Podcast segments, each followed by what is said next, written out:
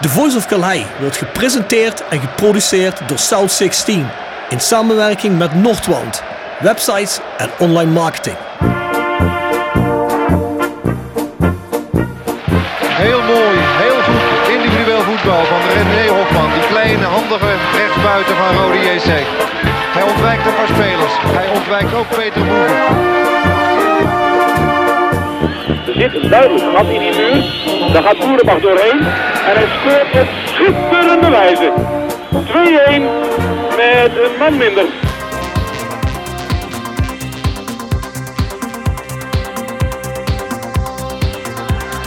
Babangida aanspelen, jazeker. Mooie beweging. En hangen geblazen. Wat een goal zeg. Uit het boekje, een team met griffel. Zenden. Oh, oh! Gerry Zenden, wat doe je nou? De lenzen naar voren, naar voren, naar voren, naar voren. Doelpunt! Een doelpunt! doelpunt voor Roda JC. Roda mensen naar rechts. Hier is Paulussen, hier is Paulussen. En daar is de goal voor Roda JC. Bladeren schaart en Malky schiet. Zo! Ho, ho, ho! Wat een treffer zeg. Een granaat in de kruising.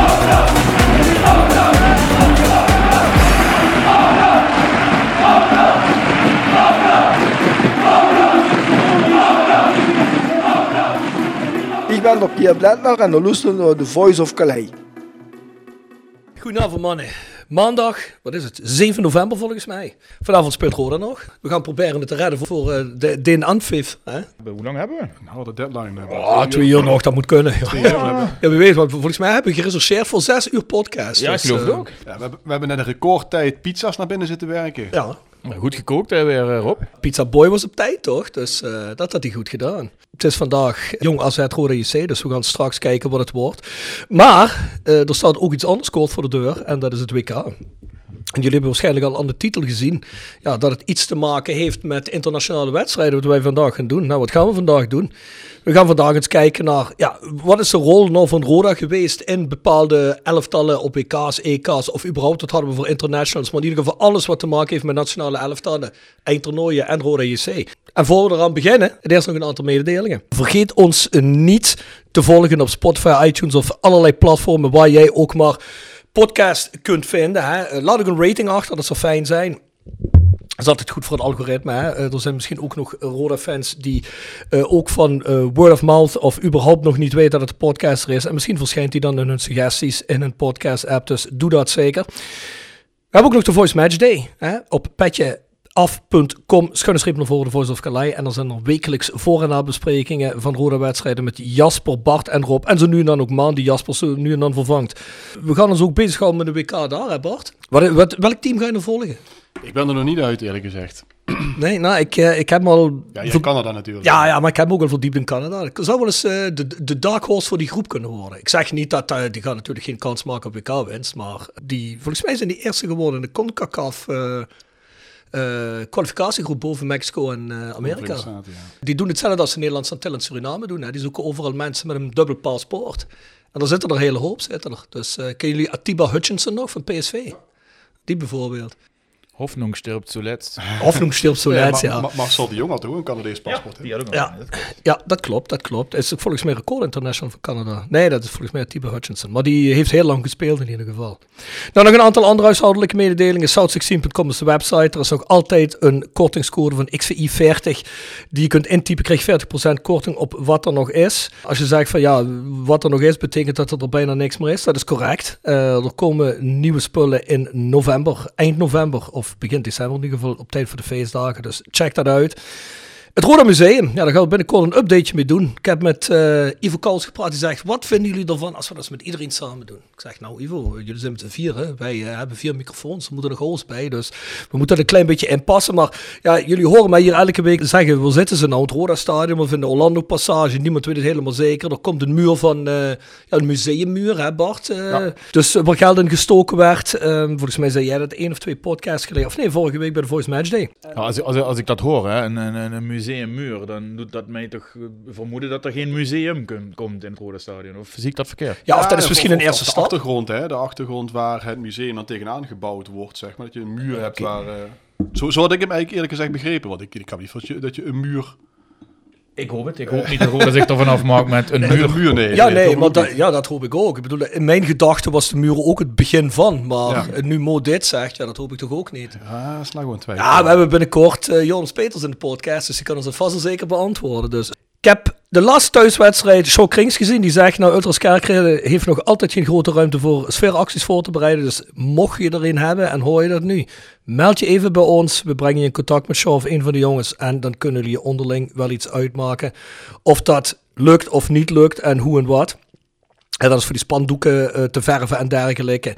Zeker doen, want ja, goed, eh die jongens zorgen toch voor een sfeer in het stadion, wat wij ook niet willen missen. Hè.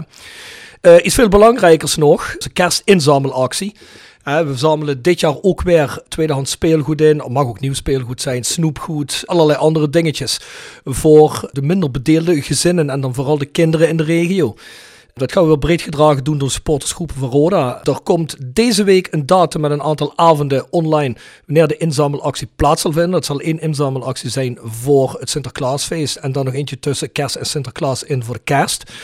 Dus ja, hou dat in de gaten. En mocht je dan zelf spulletjes hebben die je wil geven, je mag ook geld geven, dan halen we er spulletjes voor. Hè? Dat kan ook. Eh, Dan komt dat ten goede van eh, de minst bedeelde kinderen in onze regio. We weten, we zijn een economische regio die op de schaal van 1 tot 10 niet al te hoog is. Geen enkel kind zou kerst of Sinterklaas moeten vieren zonder iets in zijn schoentje of iets onder de boom. Dus ik zou zeggen, eh, bekijk dat, doe eraan mee. En doe weer massaal een donatie zoals jullie ook de jaren van tevoren hebben gedaan. Het was super. Nou, behalve dat hebben we ook het Voice of Calais live event op 17 december. Dat gaat over voetbal en muziek. En dan gaan we een aantal thema's bespreken, zoals stadionzang, clubliederen en voetbal en popcultuur. Mo, jij bent er ook, hè? Ja, ik ben er ook. Ja, en je krijgt van mij een stukje voorbereiding mee nog. Dus eh, maar dat komt allemaal goed. Maar dat belooft een leuke avond worden. We hebben een paar leuke gasten hebben we op het oog. En het wordt avondvullend. Het zal een uurtje of drie gaan duren. En er zijn natuurlijk ook de nodige versnaperingen aanwezig. En we zijn bezig met een leuke locatie. Dus ja, daar kun je op inschrijven. En daar kun je aan meedoen om aanwezig te zijn op ons eerste echte live event. Behalve, ja, we hebben er ook ooit een met Shane Hansen gedaan op de, op de kerstviering. Of de nieuwjaarsviering. Die het fanproject ook mee organiseerde. Maar dat wordt aan de tweede. Voor de rest hebben de bierproeverij van het fanproject op 26 november in de Brasserie Gluk. Ja, jij gaat hè, Bart? Ik heb er zin in. Ja. Acht stuks, dus eh, ik hoop dat er ook weer een hele hoop nieuwe check-ins op een tab bij zitten. Dus dat die... eh, Ik bedoel, ik doe geen maar ik hoop het voor jou. Er- Erwin heet die volgens mij, of niet? Of Erwin, Erwin, ja. Erwin, ja. Dat hij een eh, mooi assortiment uitzoekt. Ja, ja, Erwin is een eh, echte specialist, hè? Is Die, is, die, is die sommelier zelfs? Biersommelier Ja, of niet? die is er maar niet. die is brouwmeester volgens mij. Hè? Ja, die is brouwmeester geweest bij... Wat is toch het Jan nou volgens mij, hè? Ja, zoiets volgens mij. En eh, die staat ook bij mij op Zuid 16, of een vak daarnaast. En die zegt, jongens, ik ben groot fan van de podcast. Ik ben op een gegeven moment, na jaren, heb ik hem de eerste keer geluisterd. Die vond ik zo fantastisch. En meteen geabonneerd met een jaarabonnement op de Voice Match Day ook. Dus eh, voor ons zeker waard om dit te ondersteunen. Dus Jasper Klute, niet van ik kijk wel is gewoon komen.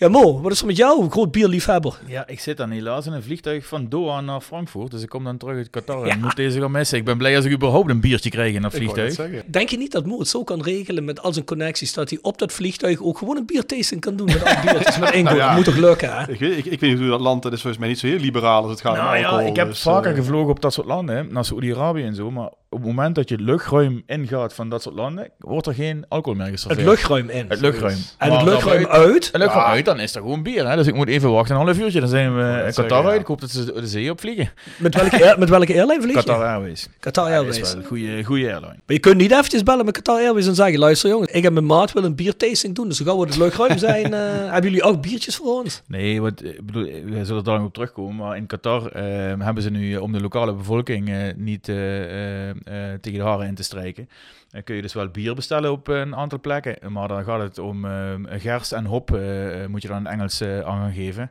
Eh gers en hopdrank. en dan weten ze dat je bier eh, wil hebben. Eh, of druivensap, dan krijg je wijn. Je moet een zwart kruis op je voorhoofd zetten als je een bier wil. dus dus, dus je moet, we moeten ons een beetje gaan aanpassen daar om de lokale bevolking niet te beledigen, zeg maar. Maar dat komt helemaal goed. Dus ik, ben ben blij dat ik gewoon één soort bier krijg in die... Ja, dat geloof ik je. Ja, want daar waren wij ons al af en vragen in de Voice Match, hè, hoe we aan een bier zouden komen. Maar ik ben al benieuwd en ik verheug me nu al op de verslagen van Mo en Ingo. Vooral als Mo dan toch bier gevonden heeft. dat, in de ontnuchteringszone ligt. Dat, eh, dat, dat wordt mooi. Dat moet, dat moet er wel na, na 9 uur s'avonds altijd, hè? Dan wordt het... eh, Heerlijk, ik verheug me in ieder geval. Hey, laatste mededeling, koop een seizoenskaart en of tickets op ticketshop.rodeckerkrade.nl. Je kunt dan nog voor de laatste thuiswedstrijd tegen Helmond uiteraard tickets krijgen en ook nog halve seizoenskaarten of alweer halve seizoenskaarten hè, voor de tweede helft van het seizoen. Ik zou zeggen, doe dat, ondersteun de club. Hè. Eh, en ik weet, we zijn soms kritisch op de club, maar wij kopen wel altijd seizoenskaarten en tickets en masse. We hebben vorige keer al over gehad hoeveel volgens mij seizoenskaarten wij in onze kring alleen al hebben. Dus daar zal het bij ons niet aan liggen. Dus doe dat ook. Vers gebrande pinda's. Wordt gepresenteerd door Hotel Restaurant de Veilerhof. Boek een overnachting of ga heerlijk eten in het mooie bergdorpje Veilen. Voor boekingen ga naar www.veilerhof.nl. En Torapi Autodemontage aan de Locht 70. Voor al uw auto-onderdelen en het betere sloopwerk. Al 40 jaar een begrip in Kerkrade. Tevens gesteund door Fandom Merchandising. Jouw ontwerper en leverancier van eigen sjaals, wimpels en andere merchandising. Voor sportclubs, carnavalsverenigingen en bedrijven. Al jarenlang vaste partner van de Rode JC Fanshop. Check onze site voor de mogelijkheden. www.fandom.nl Oplossing voor de prijsvraag. Nou, wie scoort het eerste tegen Jong AZ vanavond en in welke minuut? Nou, daar hebben we uiteraard geen oplossing voor, want eh, die wedstrijd wordt zo meteen pas gespeeld. We hebben een aantal inzendingen. Je wordt gecontacteerd als je het dichtst bij zat of als je precies goed zat. Dat zou natuurlijk fantastisch zijn. Maar we hebben wel een nieuwe prijsvraag die natuurlijk in het kader is van ja, het thema van vanavond. Hè? Nou, welke rode speler, terwijl onder contract voor Roda, speelde de meeste WK-wedstrijden? Dat hoeft niet per se voor Oranje te zijn. Hè? Dat mag best voor een ander team ook zijn. Hè? ja. Ja, klopt. Hebben jullie hard moeten rechercheren, jongens? Ja, ik hoop dat ik het goed gerechercheerd heb. en eh, dat in een van de wijze nu staat ik eh, toch eh, betere informatie heeft dan ik. Maar eh, Nee, Mo en ik hebben dat afzonderlijk van elkaar gerechercheerd en we kwamen op hetzelfde uit. Oh, Dus oké, dan, dan, dan vermoed ik dat Ivo Kous in zijn WhatsApp naar mij ook op hetzelfde conclusie is gekomen. Dus, eh, zeker als Bart dat zegt, dan heb ik er toch wel heel veel vertrouwen in. eh. ja, goed. eh, we zullen het zien. Stuur in ieder geval je oplossing in. En je kunt daar ook weer prijzen winnen. Tickets voor het Mijn Museum, sjaal van Fandom. We zullen eens kijken wat er nog extra bij kan. Plus, we hebben nieuwe onderzetters van HeerleIllustrated.nl in samenwerking met South 16. Even oud thema. Ver had ze hè, dus alle verenigingen waaruit Rode JC gefuseerd is, is een leuke onderzetter geworden. Ook een leuk design, dat komt met de nieuwe merch, komt dat. Maar de onderzetters zijn volgens mij al eerder klaar, dus dan zal dat in je brievenbus belanden. Of ik kom het je persoonlijk aangeven, heb ik ook de laatste weken al gedaan bij mensen. Dus ik zou zeggen, doe mee.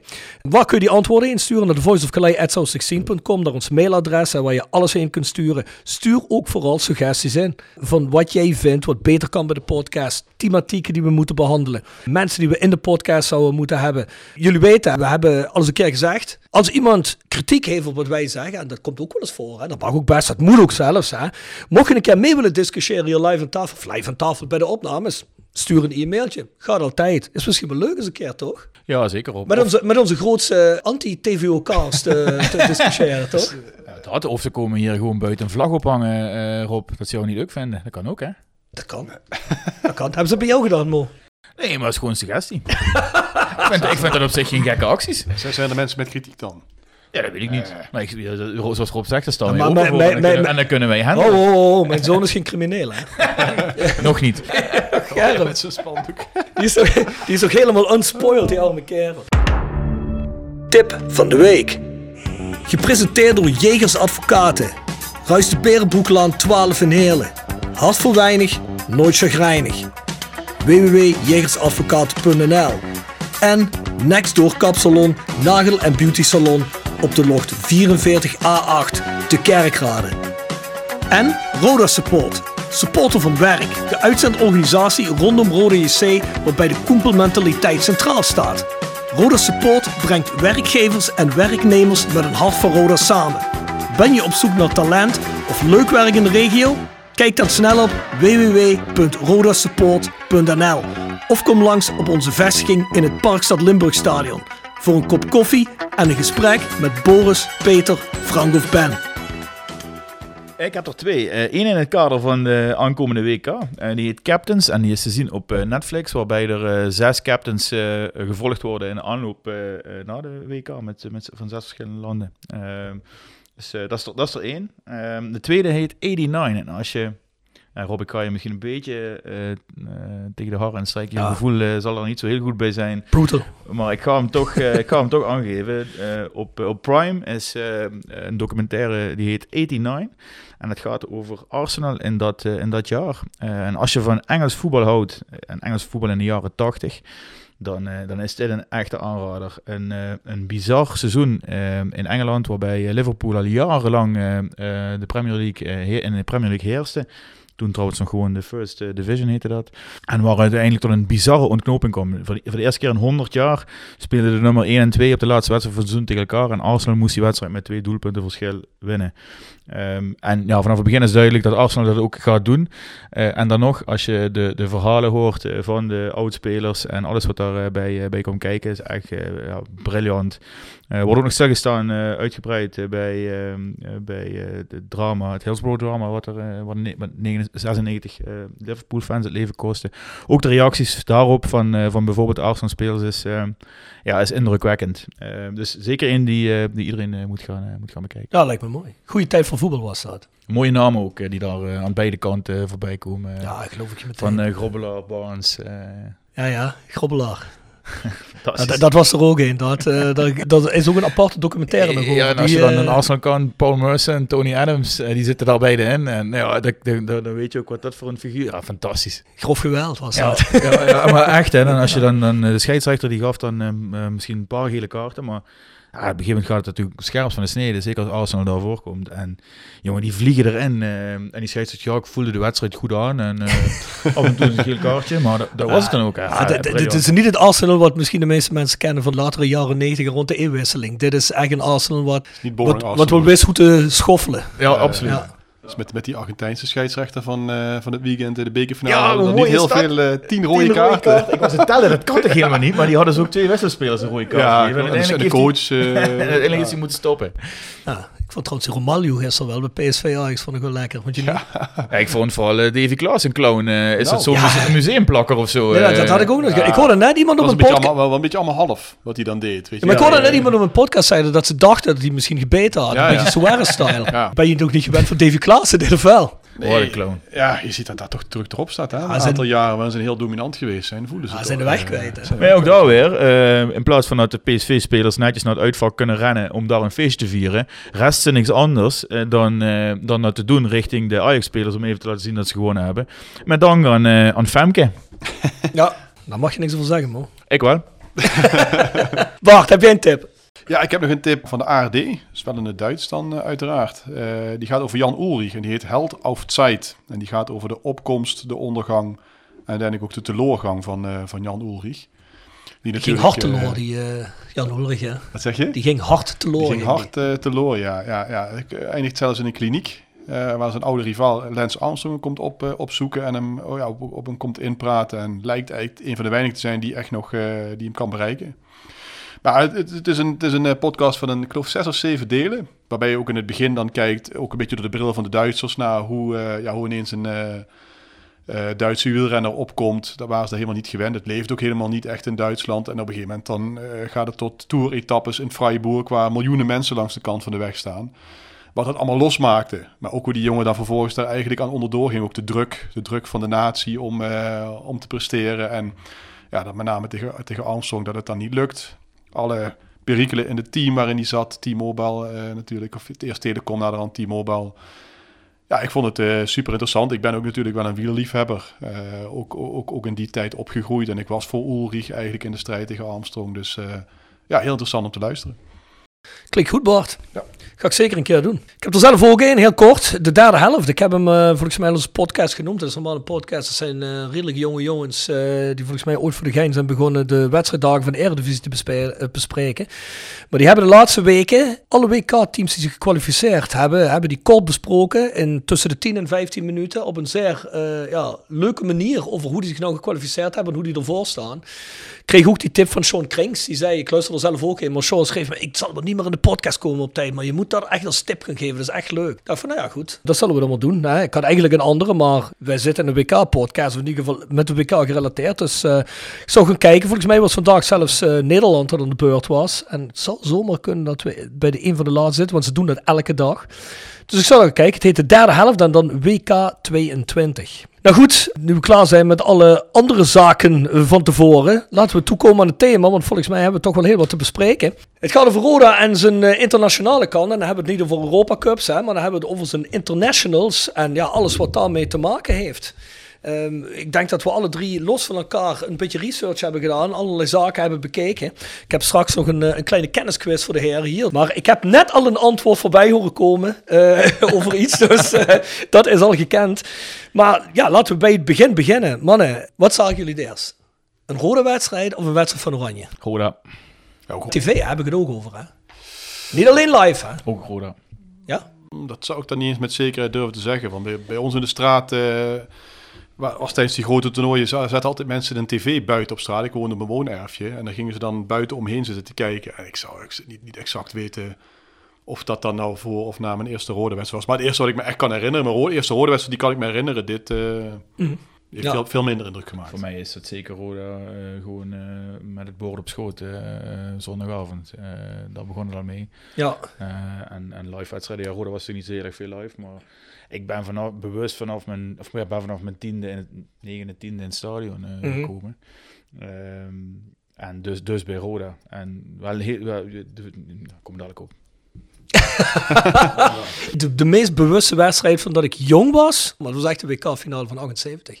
Dus toen was ik zeven jaar oud. Eh, ik kan me eigenlijk geen rode wedstrijd van van tevoren herinneren. Wel meteen daarna, want daar werd ook meteen bij mij de drang aangewakkerd van... Ja, je wist dat Roda en Kerkrade speelde. Vader ging vroeger al naar Rapid. Dus ehm, waarschijnlijk stond het wel op de zondagavond op. Maar daar heb ik geen bewuste herinnering meer van. Van, eh, van die Studio Sports toen. Er was Ja. niet, niet eens alle samenvattingen altijd, hè? Nee, precies. Dus, eh, Nee, dat vond ik ook raar. Maar Ivo Kous zei dat toen eens een keer tegen ons. Zegt van, ja, jullie denken misschien dat dat allemaal erop was. Want ik heb dat een keer met Bjorn gehad, dat we dat ook eh, aannamen. Echt waar? Maar eh, ja, maar Nee, Ivo ik- Kous... Ik kan me uit mijn jeugd herinneren dat ik met mijn vader voor de tv zat op zondagavond. En dan wisten we de uitslag al omdat, ik, omdat we op langs de lijn of zo geluisterd hadden. Maar dan, eh, dan was je al het eh, speculeren van er komen maar drie wedstrijden worden, maar eh, laat ze maar Ja. zien. Eh, en zou, zouden ze erbij zijn? En dat was dus niet altijd zo. Ja, kijk, dat kan ik me dus helemaal niet meer herinneren. Dit. Maar wat me wel nog in mijn geheugen gegreven staat, is die wedstrijd. Zelfs de eerste wedstrijd die in mijn geheugen gegreven staat, was Peru tegen iemand. Want ik weet nog dat ik klein was en dat ik boven de trap stond te zeuren. Want ik lag natuurlijk een lange bed toen die wedstrijden het avonds werden gespeeld. Die late wedstrijden. Maar ik was zo bezig met voetbal dat ik zo lang zat te zeuren boven de trap. Ah, laat me die wedstrijd kijken. Laat me naar onder, laat me kijken. Ja, en dan zei hij op een gegeven moment, ja, kom naar onder, kom naar onder. Weet je wel. En dan ik kan me nog herinneren, die mooie witte shirts met die rode band. Kun je dat nog herinneren? Vind ik tot op de dag van vandaag nog altijd schitterende shirts. River Plate heeft hij ook, hè, dat, eh, zo'n shirt. En eh, nou ja, goed, de finale kan ik me nog herinneren dat ik die gekeken heb. En die maakte wel heel veel indruk, maar ik wist natuurlijk ook dat Dick Nanning een rode speler was. Hè. En die, toen die die goal maakte, ja, is... Ik denk dat het een beetje soortgelijk is bij mezelf als je kijkt. Maar ik, ik kom natuurlijk ik kom uit 77, dus 78 heb ik niet meegemaakt. Vervolgens speelde het Nederlands elftal geen grote eh, toernooien meer, tot 88. Ja. Ik ben vanaf 87 naar Roda gegaan. Mijn eerste live wedstrijd op tv, eh, die ik me kan herinneren, is de bekerfinale van Roda eh, tegen PSV. En nou, dat was Ah, natuurlijk in datzelfde jaar. Ja. Ehm, en de, de live wedstrijden daarna, toen kwam heel erg snel daarna, komt Dat, eh, natuurlijk op de. EK in 88. Ja, nee, ja, ik zou heel erg graag willen zeggen dat het Roda was. het is echt een heel elftal met, eh, toch? Nee, nee, maar ik wil er alleen maar mee zeggen. Ik denk dat het ook ermee te maken heeft hè, wat je kijkt en wat dat dan voor indruk op je maakt. Nou ja, een WK-finale van Nederland zelf, dat maakt natuurlijk wel behoorlijk indruk op je. Precies, maar ik denk wel wat je, wat je herinnert. Kijk, mij staat met name dat stadion enorm bij. Dat Kalheide, die betonblok, dat, dat heeft indruk gemaakt. En daarvoor heb ik ongetwijfeld ook wel eens iets van Rode op tv gezien. Ook van Nederland, maar dat, dat kan me niet herinneren uit die tijd. Nee, dat is... Wat zijn jullie eerste herinneringen aan het Nederlands elftal? Nou ja, mijn, en dat is misschien heel bizar. Ik zei net, de, de, de, de, de, de eerste live wedstrijd op tv voor Roda was... eh, en dat was ik wel in het stadion geweest natuurlijk. was Roda PSV, bekerfinale in Tilburg. Ehm, en vervolgens het Nederlands elftal gevolgd via, via tv op de EK. Maar daartussenin, ehm, en dat is een... eh, dat, dat, dat bizarre... Ik zat bij de scouting, kun je je dat voorstellen?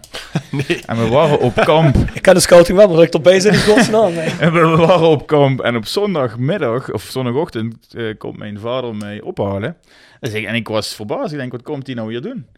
Eh zegt hij, ja, eh, ik heb een verrassing voor je. Ehm of Roda tegen het Nederlands elftal komt niet op tv. Eh, maar ik heb kaartjes voor die wedstrijd. En wat wel nou, een van de laatste oefenwedstrijden, of de laatste oefenwedstrijd van Roda voor die EK, voor, van Oranje voor de EK, was tegen Roda op Kalheide. Eh dus ik heb eh, Roda en het Nederlands elftal gecombineerd gezien. En dat was, dat was toch wel bijzonder. Ja, dat is bizar. Dat- is daarna ook bijna nooit meer voorgekomen ook, hè? Dat ze mij oefenen- dat ze oefenen. Ja, tegen, Tegen Lau- Club, tegen, tegen, ja. tegen Lausanne Spoor hebben ze nog een keer eh, geoefend. Wie Nederlands zelf toch? Ja, eind jaren 90 of begin Ah, deze zo eeuw. bedoel je. Ja, ja. Maar ja, echt- wel maar tegen echt- Quick Boys nog en zo, hè. Ja, maar... maar die amateurvereniging, echt, volgens De mij. laatste 10, 15 jaar kun je dat helemaal niet meer voorstellen. Dat ze Als je over indrukken hebt, eh, eh, maar je zei toen als fijntje de EK en zo nog helemaal niks en rode, daar was je al iets langer mee in aanraking. Dus voor mij op dat moment, dat samenkomt. eh, eh, heel eerlijk, ik weet nog, het in het Nederlands elftal spelen voor mij helemaal geen rol op dat moment. En dat was een paar weken voor de EK. Sterker nog. En zo eh, goed was de Nederlands elftal die dag ook helemaal niet. Nou ja, ze winnen met 4-1. Ja, maar het was niet zo van dat je zegt van, oh, hier staat een Europees kampioen te spelen. Nee, nee, nee, nee. nee. Le- lees ook maar eens de wedstrijd verslagen. Ja, ja, dus, ja, eh, dat was de eerste wedstrijd op het eh, EK ook niet. nee, nee, zeker Nee, niet. nee. Maar heb jij nog een eerste herinnering van Nederlands elftal? Ja, wat ik, wat ik, wat ik zeg, eh, kijk, die, die, die zomer, eh, zomeravonden in de straat, dat kan ik me nog goed herinneren, maar daar, daar heb ik geen wedstrijdherinneringen aan. De eerste echte wedstrijd van Nederland die ik me kan herinneren, die was op het WK 94, die eh, wedstrijd tegen Brazilië.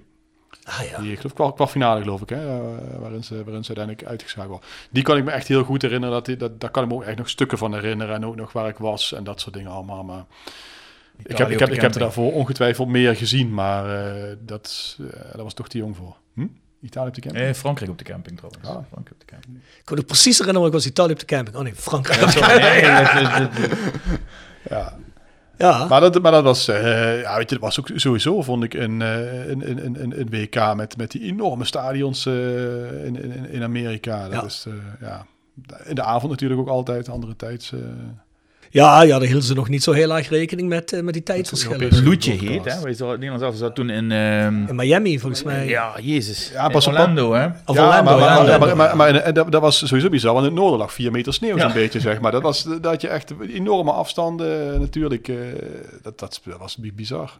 Daar hoef je nu in Qatar niet bang voor te Nee, dat is redelijk stabiel. Dat ligt allemaal in een eh, cirkel van 40 kilometer rondom door. Ja, precies. Nou, ik heb mijn eerste herinnering, ja, behalve dat dan, maar eh, ik ben eigenlijk maar één keer in mijn leven naar een Nederlands elftalwedstrijd geweest. En dat was in de oude Tivoli. Ja, En toen eh, had Malta had een straf dat ze niet thuis mochten spelen. En dat was in de groep van Nederland toen de kwalificatie voor het WK 82. En als ik me goed herinner, nee, dat was 84, al voor voor het 84 EK was het voor de K 84 precies. Dat was een van de eerste wedstrijden.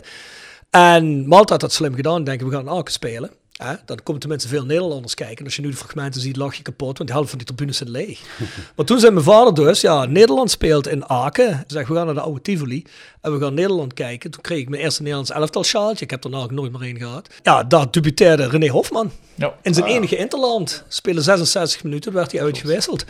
Dat idee was ook redelijk commercieel, hè? Van, Ja. We moeten wat Roda-spelers eh, meenemen, want dan komt er wat volk eh, kijken. Maar heel eerlijk, zo goed functioneerde het niet. maar we moeten wel heel eerlijk zeggen, René Hofman zat toen wel ook heel erg dicht tegen een selectie aan. Want die spelen gewoon keihard Ja, bij ja, Roda. zeker. We- we- we- Weet je, het, eh, die kwalificatiereeks hè, voor dat EK 84, die kwam tot zijn climax op 21 december 83. Dat weet ik, omdat ik ben een dag later geboren. Niet dat ik me dat dan dus kan herinneren, maar in die krant... Dus jij vader, was je toen vader niet- was niet thuis toen je geboren werd. ja, wel, jawel. Maar, maar, maar, maar Dus jij was nog niet eens die geboren wedstrijd toen ik naar die eh, wedstrijd ging. Nee, maar, dat, maar, maar, maar, maar dat Ik heb was dit die... nog maar eh, altijd een Jasper Klute dit gevoel. Ja, sorry. maar, maar, maar natuurlijk in, in die krant, eh, weet je, je hebt ook al opzoeken wat stond er in de krant van, eh, van je geboortedag. Dat was die 12-1 van Spanje tegen Malta uiteindelijk. Oh ja, was dat die? Ja, dat was die. eh, dus, eh, Ja, dat heeft veel voeten in de aarde gehad. Daar, eh, dat is de eerste keer in mijn jeugd dat ik in aanraking kwam met dat mensen dachten dat een wedstrijd gekocht was. ja. En er werd dus volgens mij nog 1-0 of, of 3-0 en dan 3-1 of zoiets. In ieder geval was, was, met rust was het zo dat mensen dachten, nou, dat zit wel goed. Ja, je zat eh relaxed te kijken in ieder geval. En na rust, eh, ja, dat is, dat is niet normaal. Volgens mij heeft naar de hand die doelman van Malta, heeft hij niet ook ooit tussen neus en lippen door toegegeven dat het een Ja, aankoop er was? is, er is niet van een uitzending van andere tijden sport over geweest, ja. Nou, zie maar hoe door je neus geboord de climax was, weet ik niet meer. Ja. Hey, ehm, hebben jullie ooit een wedstrijd live gezien waar rode speler meespeelde? Ja, ik heb de mijne net al gezegd, dat was de enige, René Hofman. En trouwens, ex-rode speler Pierre van Meulen, die speelde toen voor Feyenoord, die speelde daar mee toen. Ja, ik heb... Hele goede eh, wedstrijd ik, trouwens. ik heb de wedstrijd al genoemd net. Dat was Roda tegen het Nederlands elftal. Eh, wie speelde er mee? Nederlands elftal? Uh, Wilbert Soeverein. Wilbert Soeverein. Ehm, en ik weet dat nog heel goed, omdat ik... ehm, ik zei net al, het Nederlands elftal zei mij toen helemaal niks.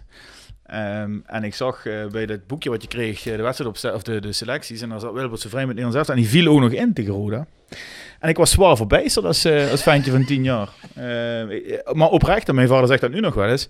Je was gewoon boos dat Wilbert zijn vriend bij Nederlands elftal uh, meedeed. En terecht, dus dat kan ik mij nog heel goed herinneren. Nee, ik heb dat natuurlijk niet mee, want de laatste die meegespeeld heeft is Johan de Kok geweest. En, toen ging ik amper naar thuiswedstrijden van Roda natuurlijk. ja, tenminste, toen ging ik wel naar thuiswedstrijden van Roda, maar niet naar wedstrijden van Nederlands elftal, nee. Nee.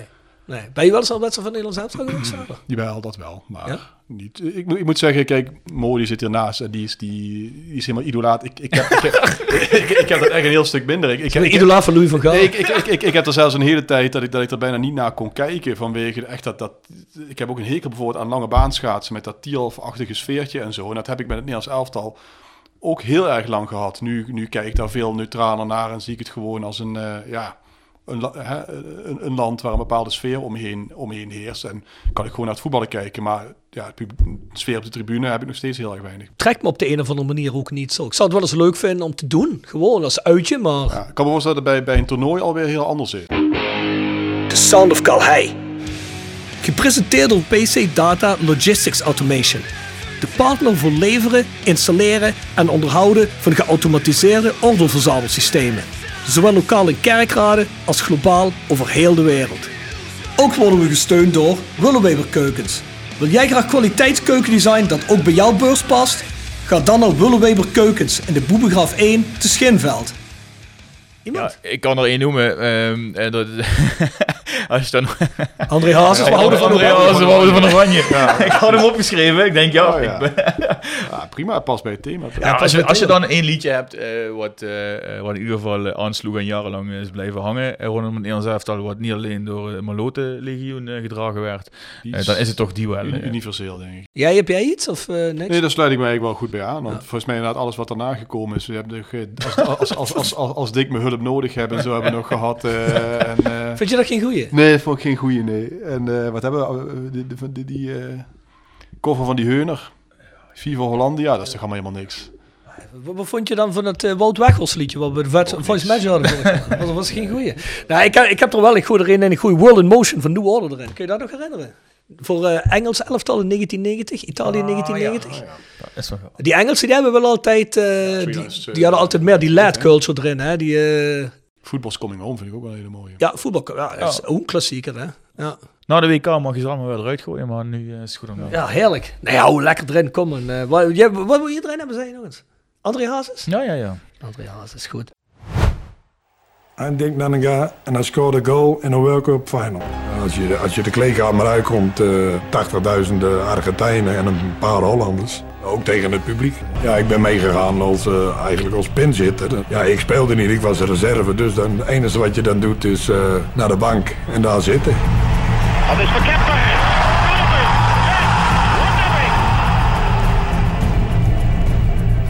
Dat 1-0 achter.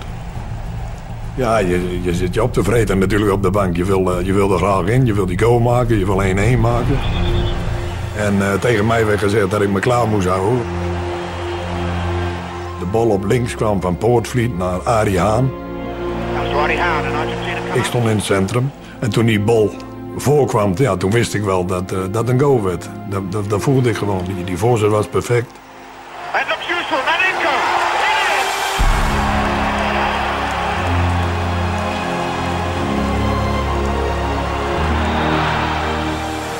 Ja, dan maak je 1-1, oké. Maar ja, dan ben je er nog niet. Dat is later ook gebleken. Ja, dan wordt het nog 3-1. En uh, ja, toen was het gedaan. Toen, wist je dat gewoon dat je niet meer kon winnen. En dan de laatste fluitsignaal, oké, ja, dan gaan we naar binnen. Klaar. En de eerste wat ik deed was een sigaretje draaien. En die heb ik opgestoken in de kleedkamer. Dat, dat kan ik me nog herinneren. Het was toch voorbij. De medailles hebben ze ons in het hotel gebracht. Toen we Schiphol terugkwamen, naar huis gegaan en de volgende dag uh, gewoon weer aan het werk. Dat is gewoon een goal. Oké, het is op een wereldkampioenschap, maar toch is het, blijft een gewone goal. Voor mij.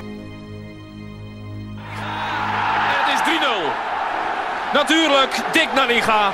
Het is zo logisch als wat en zo voorspelbaar. Nanninga is gewoon de man die de oplossing geeft voor alle problemen in deze wedstrijd. Hij was betrokken bij de goal van Schapendonk. En hij brengt zelf om te bewijzen dat hij in dit elftal tegen Cyprus thuis hoort. De stand op 3-0. Onze eerste internationals, moet ik eigenlijk niet zeggen, er, is nog, er zijn nog internationals voor geweest, maar eigenlijk als het om Roda JC ging met de naam Roda JC. In de jaren 70, eh, ik noem het Dick Nanninga, Jan Jongbloed en Adrie Kos en Pierre Vermeulen. Ja, Dick Nanninga, ik denk, ja, onomstotelijk de bekendste Roda International, toch?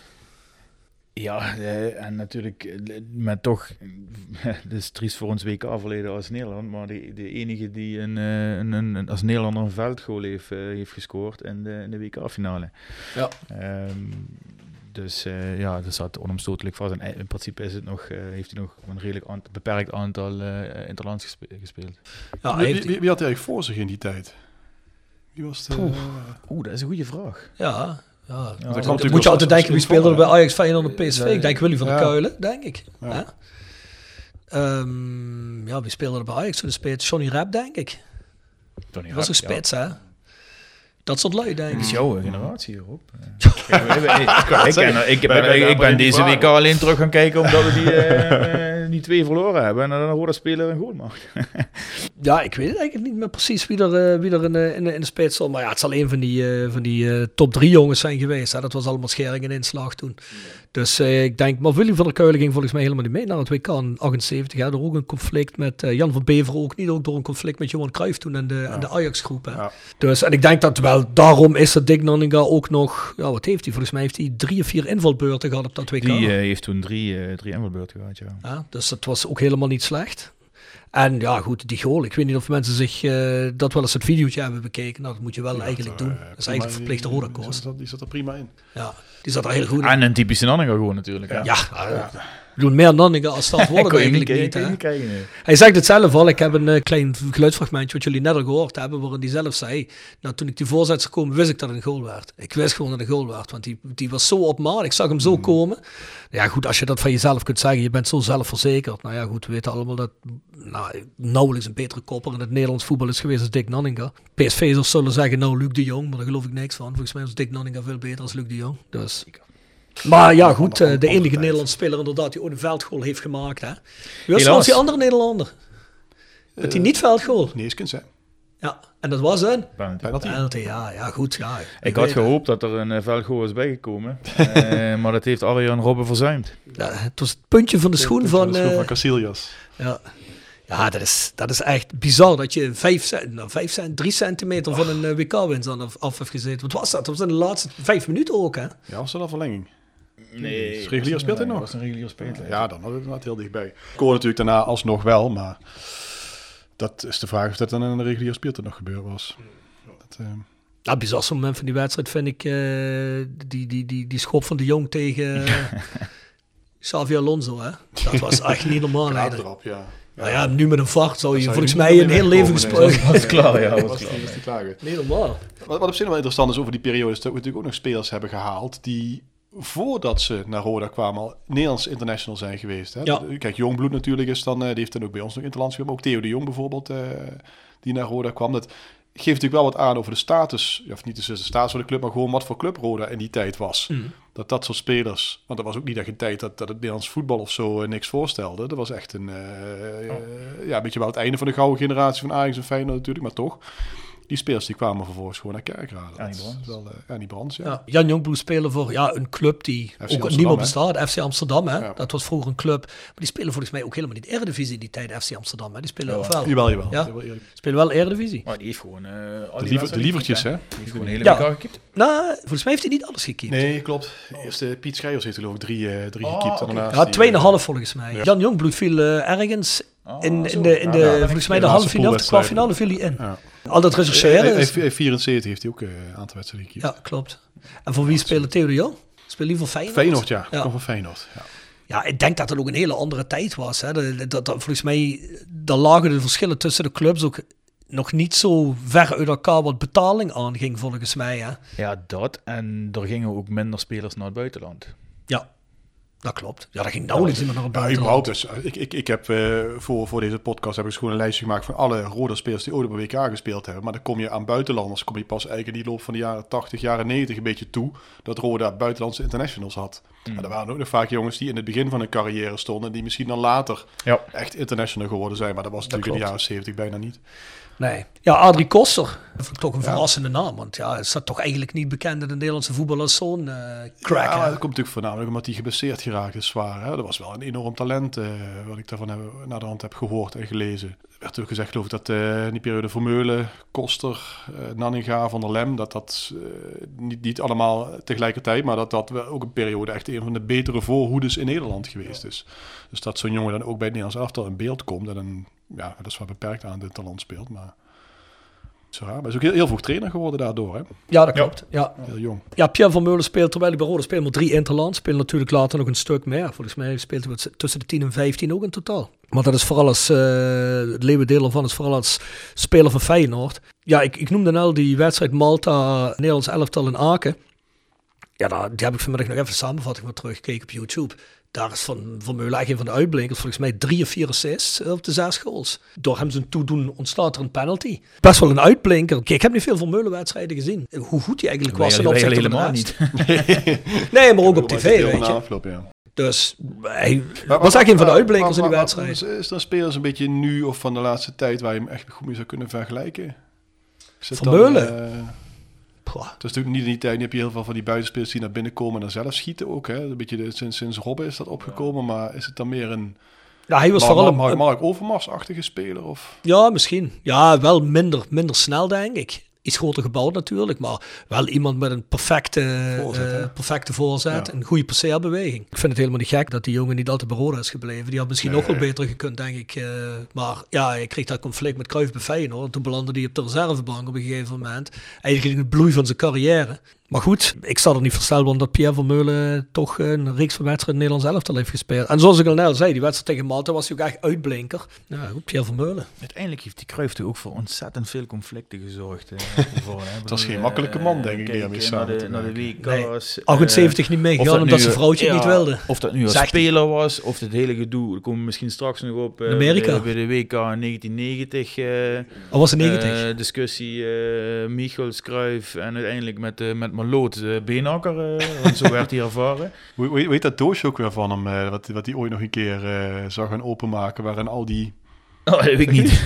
Dat is de beenhakker, die heeft altijd over zo'n over zo'n doosje waar, eh, waar nog Ja, allerlei dan moet je wel opschieten, want dadelijk krijg je Ja, dat dood is. Daarom. zit hij zelf in een doosje. Het zal me niks verbazen. het zou ook kunnen, hè, wie weet. Maar weet je, maar, maar weet je, dat soort types, dat, dat, dat zouden wel enorm leuk... Er ligt hier bijvoorbeeld het boek hier van... eh Van Van Loen. John van Loen ligt hier op tafel. Dat zouden wel mensen met ultieme verhalen zijn. Ja, als, zeker. die een keer uit de school klappen of wat er allemaal echt gebeurd is. Dat, eh, want dat was toch een gouden generatie in 1990. Maar goed, daar komen we zo op inderdaad. Ja, ik heb er nog verder staan WK 1978 hebben we het eigenlijk net al over gehad. Hè, aangezien ik de enige ben geweest die dat eh, eigenlijk meegemaakt heeft. Of een, eh, en de, de, de- laat staan bewust eh, enigszins heeft meegemaakt. Zo- zo- was- Ik zo- was er wel niet van bewust Zou dat het echt onmogelijk zijn geweest om daar te winnen? Wat achteraf gezegd wordt van... Nee, denk nooit ik niet. kunnen winnen. Denk ik niet. En ik Ja, denk ook sportief, maar ik bedoel met wat er in dat land aan de hand was. Nou, dat denk ik, ach, wie- ik bedoel, wat gaat er dan gebeuren? Wie, wie schiet er dan een voetbalteam dood? Niemand toch? Uiteindelijk, dat denk ik ook niet, Het is niet zo dat Nederlands elftal niet durfde te winnen. Er zullen zelfs wat factoren zijn geweest die het je heel erg en dat blijkt ook wel heel erg moeilijk hebben gemaakt. Tuurlijk. Eh, maar goed, daar, had je misschien waren er nog wel wat extra minuten erbij getrokken en weet ik allemaal voor een vage dingen. Na speeltijd daar- van 15 eh, minuten had ik niet al van opgegeven. Nee, precies. Ja. Maar en dat zie je nu nog wel eens bij van die gekke wedstrijden. Maar eh, het is niet zo dat Nederlands elftal niet had kunnen. Nee, maar er dat werd wel heel veel gedaan goed- om goed- dat te voorkomen. Ja, voor de mensen die niet begrijpen wat dit over gaat, was natuurlijk een, eh, een militaire junta was er aan de macht, een dictatuur. Die was er alles aan gelegen dat Argentinië ook het WK in eigen land ging winnen. Dus er werd ook alles aan gedaan. Verschillende vormen van intimidatie werd niet geschuwd.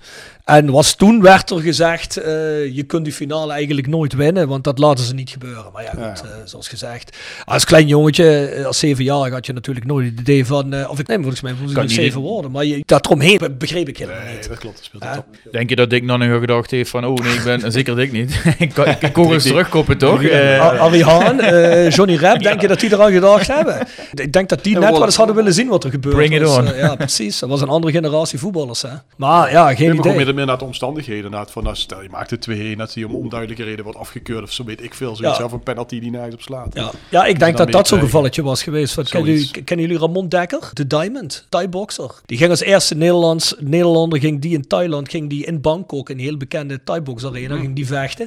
En die was supergoed. Ja, dat is eigenlijk een legende op Thai-box gebied. En die zei van, je moest lui knock-out slaan. Als ik ze niet knock-out sloeg, dan kon ik nog zo duidelijk gewonnen hebben op punten. En kreeg die zegen niet. Dus daarom zegt hij, daarom, die had een bepaalde stijl, die was keihard. En die nokte ook lui gewoon uit, omdat hij zei van, ja, als ik Ja, dat dan ik niet deed in. Bangkok, ja, daar kun je niet omheen. Om, hè. Ja, dus ja. ik denk dat dat hier hetzelfde was. Je had een goal moeten maken uit een Ja. penalty zelf of uit een vrije trap waar niemand omheen kon. Maar het was wel bizar, want Dick Nanninga zichzelf voor jullie ook een, hebben jullie een filmpje net gehoord. Wij waren meteen weg, de medailles kwamen in het hotel werden ze gebracht. Ja, bijzondere sfeer. Bizar. Ja. Ja mensen, periode 80. Oh, ook een aantal internationals hè. Hofman, Suvrijn, Van Loen, Fraser, Bladler. Ja, Bladler, is dat zo? Ja, daar hebben we het eh, met Pierre Bladler toen, toch toen over gehad. Dat was jij toch in die podcast Ja, dat was ik, ja. En toen zei, zei Pierre, ja, Pierre wilde dat natuurlijk wel graag eens interland zien, hè, maar toen zeiden wij nog, ja, maar hoe kan dat? En dan zei Pierre, ja, maar dat is, hè, dat was in die periode dat ze wel nog, eh, toen ze in Huisterduin zaten, tijdelijk in Noordwijk, en dat was Huisterduin, hè, Mm. dat ze altijd oefenden tegen Quick Boys. En daar heeft hij een hele Ah. wedstrijd meegespeeld. Als vervanging van Wilbert Suvrijn werd hij erbij gehaald. Maar volgens mij krijg je dan geen cap, om het zo maar eens eh, Nee. te zeggen. Dat krijg je Nee, niet. Je krijg je alleen niet. maar in een oefenwedstrijd van Nederland zelf tegen een ander land. Eh, of natuurlijk eh kwalificatietoernooien, et cetera. Ja, en dat, dat, dat zat Peer nog altijd niet helemaal lekker. Het Hij heeft niet- ook meegedaan in een oefenwedstrijd trouwens van Jong Oranje tegen het gewone Oranje. Daar zat hij, Ah. daar zat hij ook bij. Maar Pierre heeft best wel dicht tegen Nederland zelf te aangezeten Dus het is in ieder geval zo bedraadje dat wij het erover hebben. Hè? Dus Ja, zeker. zoveel waarde heeft hij. het- heeft Nee, maar hij was toen ook, hij was toen ook kijk goed als je ook met die spelers ja, spreekt die met, zeker. met hem spelen in die tijd. Dan gaan we eens praten met een René Hofman of een, uh, of een Jean Hans. Zeggen maar ja, Pierre Bladler was gewoon een super talent. Het was fijn geweest, want we hadden een kerkrader naar gehad die uh, Nederlands zelf had gespeeld. Komt Pierre niet uit Kerkrade? Zeker? Pierre Vermeulen. Oh, Pierre. Ja, Pierre, natuurlijk. ja. Pierre. Oh, joh, Goeie genade. Je krijgt nog niet een Pierre op je... Op je Oh, ja, ja. nee, maar ja. zit- Hoe zit ik met mijn gedachten, godsnaam?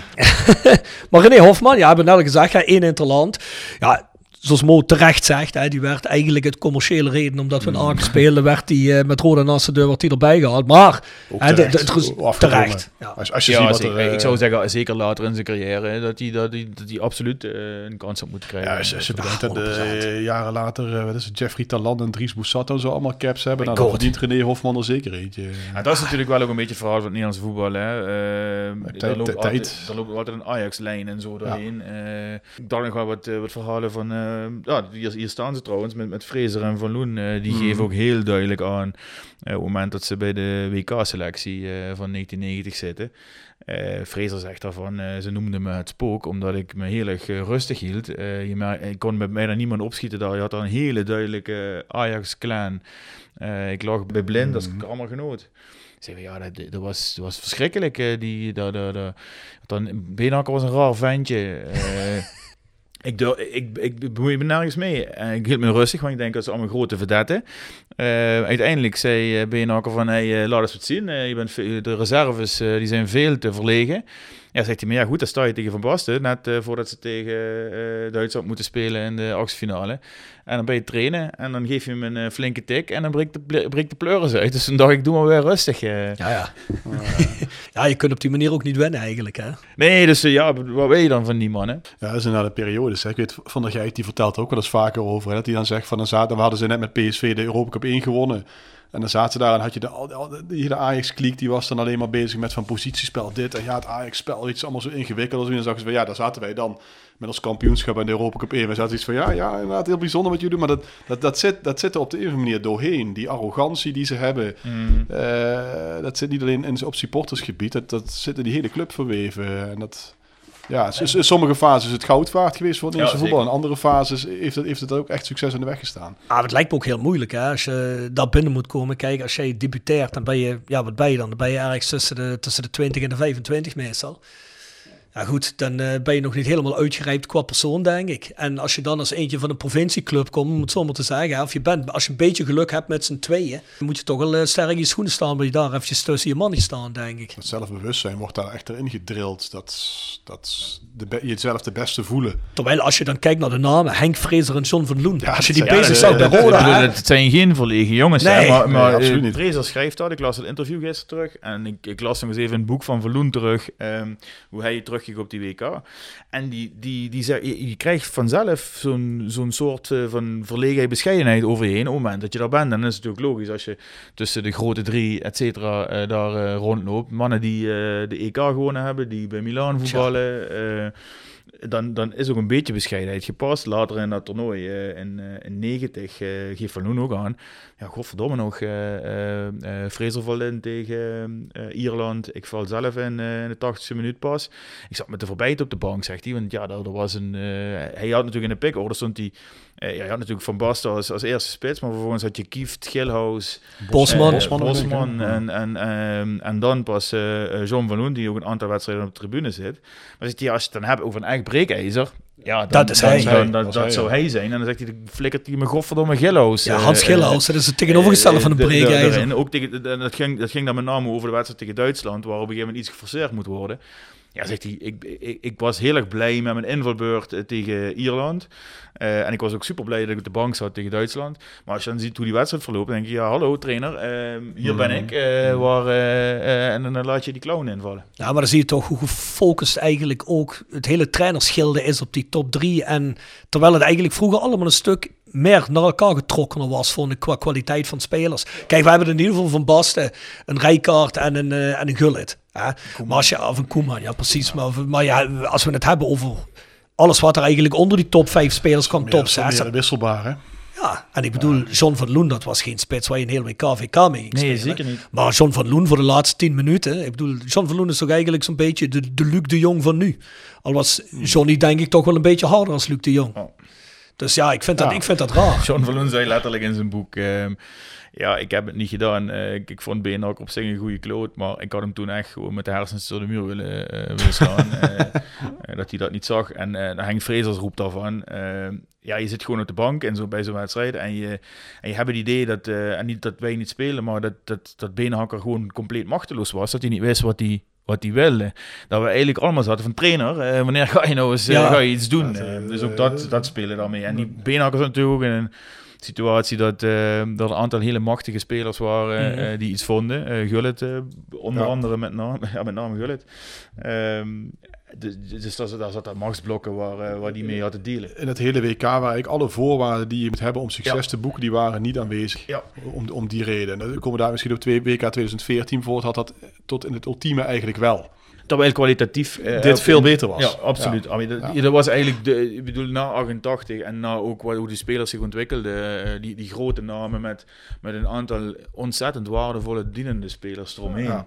Ehm, was natuurlijk, wat dat betreft, had je het kader. Maar ja, dat, dat is wat ik net bedoel met die ruzies van Cruijff.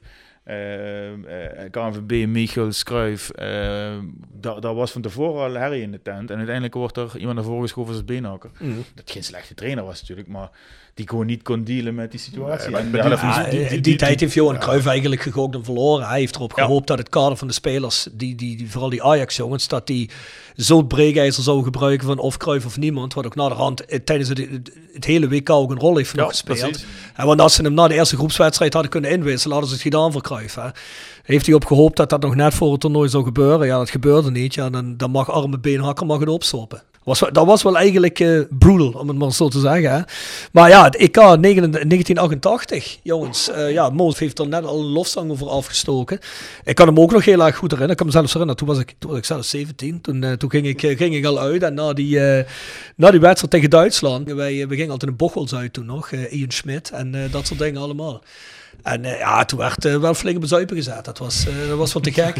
Ik kan me er nog als de dag van gisteren herinneren. En ook nog ook naar de winst toen. Maar was die winst, was dat, een, dat was ook een hele rare dag, die finale. Kan ik, herinner ik me dat goed? Nee, of was het was een zondagmiddag. was een zondagmiddag. Zondagmiddag, want toen zijn mijn, is mijn vader, en het zal bij heel veel gezinnen in de parks dat gebeurd zijn, in ieder geval in, in Kerkrade en zeker ook nog in Landgraf waar ik toen woonde.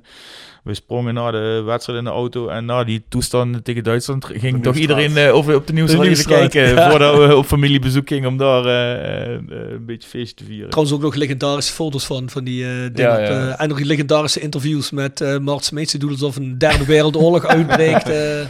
Een paar bekende Noordzuiders die nog goed in het beeld Ja. waren tegen Duitsland. Heb je trouwens nog Was altijd al- in de, in de was- shop met XVI 40 eh, korting hebben we nog een mooi shirt over die thematiek trouwens. eh dus, eh, De Nieuwstraat. I Predict the Riot shirt, dus eh je moet eens gaan kijken. Politieagenten aan Nederlandse en Duitse kant. Nederlandse agenten zien er trouwens uit alsof ze een uniform van 40 jaar geleden hebben. Maar uh, maakt verder niks uit. Maar goed, 1988, Suvrijn, die zit in de selectie. Die valt twee keer in. Die mag uh, even ja, de laatste minuutjes invallen van, uh, tegen Engeland. Krijgt Van Basten en krijgt publiekswissel na zijn, na zijn hat-trick. En tegen Duitsland mag hij in de laatste minuten even invallen. Dus ja, eigenlijk speelt hij geen rol van betekenis. Maar ja, je bent er toch maar bij. Toch wat dichterbij, ja. Ja, ik denk zeker als je er achteraf op terugkijkt, uh, dat je die EK erbij bent. Ik zie hem nog op de poster staan uh, met uh, dat ze die cup vast, vast hebben. Dan als speler voor Roda die... ja, die, dat, dat, is toch fantastisch. Mm. ja, mega. Je hebt er minuten mogen maken. En zo'n legendarische wedstrijd als tegen Duitsland... ja, dat is zo briljant. In het oude Volksparkstadion. Ach. Ja, het had eigenlijk alles, alles in zich om daarna ook in de finale gewoon te mislukken eigenlijk ook. Als je dan echt het hoogtepunt hebt gehad. Ja. Dat je dan denkt, ja, dan, uh, daarna tegen de Sovjet Gos of je dat toen, hè, dus de Sovjet-Unie, uh, ja, hadden ze ook de eerste wedstrijd van verloren. Ja, klopt. Toch op zich heel knap. Dat ja, toen waren er nog EK's met volgens mij maar 12 teams of zo, hè? Of hoeveel acht, teams waren acht, volgens mij. Waren er maar acht teams toen? Acht, acht of twaalf. Maar waren twee groepen volgens mij maar, hè? Nee, die gingen dan... Ja, of waren er vier groepen? Ja, vier groepen en daarna nog een keer twee groepen, dat was het. Oké. Ja, er waren, waren twee, twee, twee poolrondes waren dat. Zes, dan zullen het er 16 geweest zijn. Ja, ja WK's en EK's met twee poolrondes. Ja. Weet je, terwijl uh, WK dat had met een, echt een, een mega tweede ronde. Als WK in Spanje in 82, dat was de tweede ronde, was een groep met Argentinië, Brazilië ja. en Italië. Ja.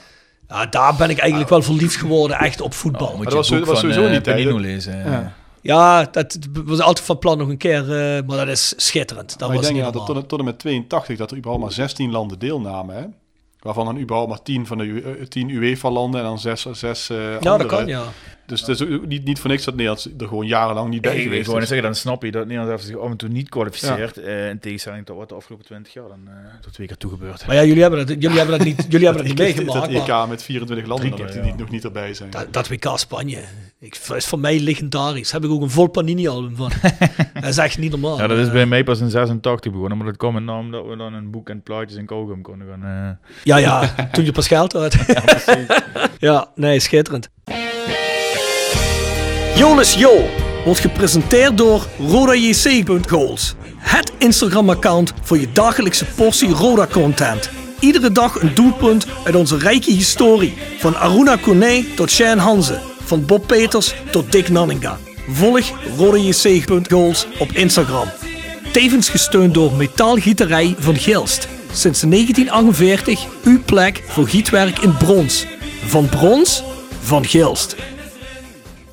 Kan er toch maar één zijn. Ja, mij betreft het over WK's hebben, we er hem al genoemd. Dat kan er maar één zijn, toch? Dick Nanninga. Ja. WK. En volgens mij is hij ook nog nooit genoemd in, eh, in al die Nee, jaren nee, niet. nee. Ja, natuurlijk op dat we echt op Roda betrekken dan, maar Nederlands elftal Roda. Lijkt me wel, hè?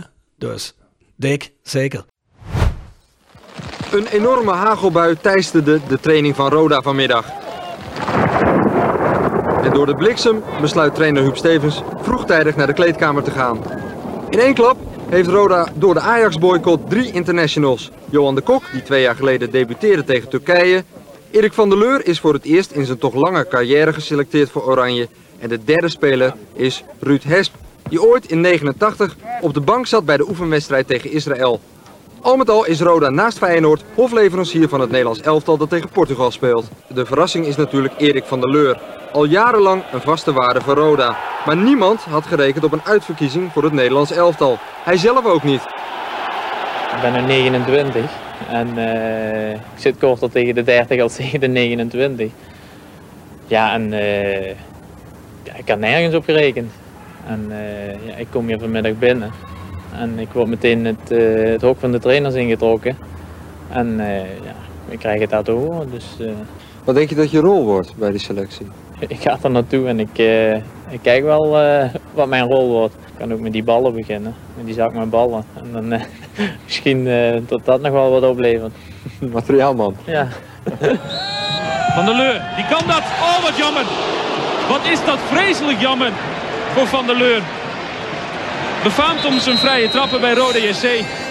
Prachtig gekruld. Oh, wat is dat zonde. Uh, lovende woorden voor jou net van Piet Keizer. En, uh, iemand die zijn debuut maakt en dan ook nog de vrije schop opeist. Ja, zeker in de tweede helft Erik van der Leur wel of het van der Leur de Portugal was. Ah, nee, die vrije trap zei, uh, zei Wim Jonk, uh, nou, als je je lekker voelt, dan neem hem dan. Nou, eh, ik denk, neem hem dan maar. Want het is moeilijk eh, om in een niet-draaiend elftal toch in te vallen. Maar jij hebt je daar ongelooflijk overheen gezet. Zit dat in jouw karakter? Nou, eh, ik denk dat het ook te maken uh, daarmee heeft gehad dat, uh, ik eigenlijk uh, op een onverwacht moment erbij ben gekomen. En dat ik eigenlijk ja, gewoon er tegenaan ben gegaan vanaf de eerste dag. Ja, ik stond ook nog op een plaats waar ik normaal gesproken niet speel. Maar ja, ik denk dat, dat ik niet van niks bij deze 16 heb gezeten. Dus ik denk dat als je kwaliteit hebt, dat je dit hier wel tentoon kunt sparen zo spelend lijkt me dat we je terugzien. Heel hartelijk dank. Dennis, ik zou aan jou willen vragen, wat voel je van jullie? Ja, ik voel het uh, toch, wel, toch wel goed, goed heb gevoeld. Ja. Vindt de derde keeper het sowieso vervelend om bij de nationale ploeg te komen. Gisteravond stonden twee kandidaten voor die plaats tegenover elkaar. Ruud Hesp van Roda en Ronald Waterreus van PSV. Wie wordt er eigenlijk de derde keeper? Realiseer je de concurrentie met Waterreus wel? Nou, je hoort het. En uh, je weet dat het waarschijnlijk dus ook wel zo, zijn, maar, zo zal zijn. Maar uh, dat is iets waar je druk om loopt te maken. helemaal vanavond natuurlijk niet. Uh. Ik doe hier mijn best en als dat iets anders tot gevolg heeft, is dat heel leuk. Maar ik wil er helemaal niet aan denken. Ben je er ook een beetje onverschillig onder dan? Ja, dat, heeft niks met onverschillig te maken. Ik heb ten eerste plaats een gruwelijke hekel aan, aan die mensen die dan altijd voor zo'n camera staan en zeggen van ja, als je mij meeneemt, dan heb je een goede keuze gedaan. Want ja, ik ben zo goed. Dat slaat gewoon nergens op. Er zijn andere mensen voor verantwoordelijk om die keuzes te maken. Dat ben ik niet. En ik, ik zeg nogmaals, ik doe mijn best. En uh, ja, ik heb een hele jaar uh, gespeeld. Uh, ik heb, wat ik zeg, redelijk dat goed gespeeld hier. En nou, als dat genoeg is, is het genoeg. Ik reken nergens op, want ik heb een vakantie geboekt. Maar ik zeg hem met, met liefde af. Maar naar Engeland of niet? Nee, ik zou naar Kreta gaan. Maar, ik wil hem afzeggen, maar ja, ik, ik hoop het gewoon. Ik hoop het en ik reken nergens op. En dan gaan we naar de jaren 90. Nou ja, voor Roda natuurlijk de jaren wanneer wij veel Europa Cup beginnen te spelen. Hè. Het deed het trouwens in de jaren 80 ook al, maar de jaren 90 denk ik op clubniveau het begin van een echt een hele gouden periode. Nou, Jo de Kok uh, is international van de Leur, uh, Ruud Hesp. Dat is het eigenlijk wel zo'n beetje. Maar moeten we Ruud Hesp nog een, een kanttekening zetten. Ooyer, ja. Ja, die spelen wel Ooyer van de PSV. Nee, ja, dus, dus daarom. Hè. Dan moeten we een beetje kanttekening bezetten, zeg ik al. Hè. Want Ruud Hesp zit wel twee keer bij de selectie, terwijl hij bij Roda zit, maar komt niet in actie. Dus eigenlijk geen officieel geen cap, maar begint later wel te, hier en daar te spelen of in te vallen. Uh, datzelfde geldt voor André Ooyer natuurlijk ook, wat jullie net zeggen. Wat... Ooyer heeft er nou wel aardig wat, wat caps gespeeld. Ja, ik heb gisteren bij uh, Ivo Kous even geïnformeerd. Ik kreeg een uh, mooi Excel spreadsheet met, heel even kijken, met 94 internationals. Ja. En uh, ja, daar zitten jongens bij. Dan denk je van, ja, waarom verschijnen die niet op mijn internetlijst? Maar dan ga je eens goed rechercheren. En dan zie je dat die pas international werden nadat ze bij Rode gespeeld ja, hebben. Ja, er zijn natuurlijk wel een aantal die toch international waren in de jaren 90. Met name van de midden jaren 90. Hè. Begin jaren 90 was natuurlijk uh, ook geen vetpoort bij Roda. Maar nee. een Garbalawal die, uh, die in de jaren 90 toch al... die speelde bij ons in 96 en 2002. Kwam na de week... Na de, uh, Olympische Spelen dat ze goud met Nigeria hadden gewonnen, uh, kwam die naar ons toe. Ja, daar hebben we het dus over de niet-Nederlandse jongens uit. Ja, ja, dat ja. zijn de niet-Nederlanders dan, inderdaad, die, die interlands hebben gespeeld. Baba. Ja, ja. Jullie hebben net al een introotje gehoord uh, van de Leur, die, die geselecteerd wordt. Die trouwens, kunnen jullie dat nog herinneren, dat die tegen Portugal speelde? Dat kan wel herinneren, ja. Uh, was het tegen Portugal dat hij op de lat schoot?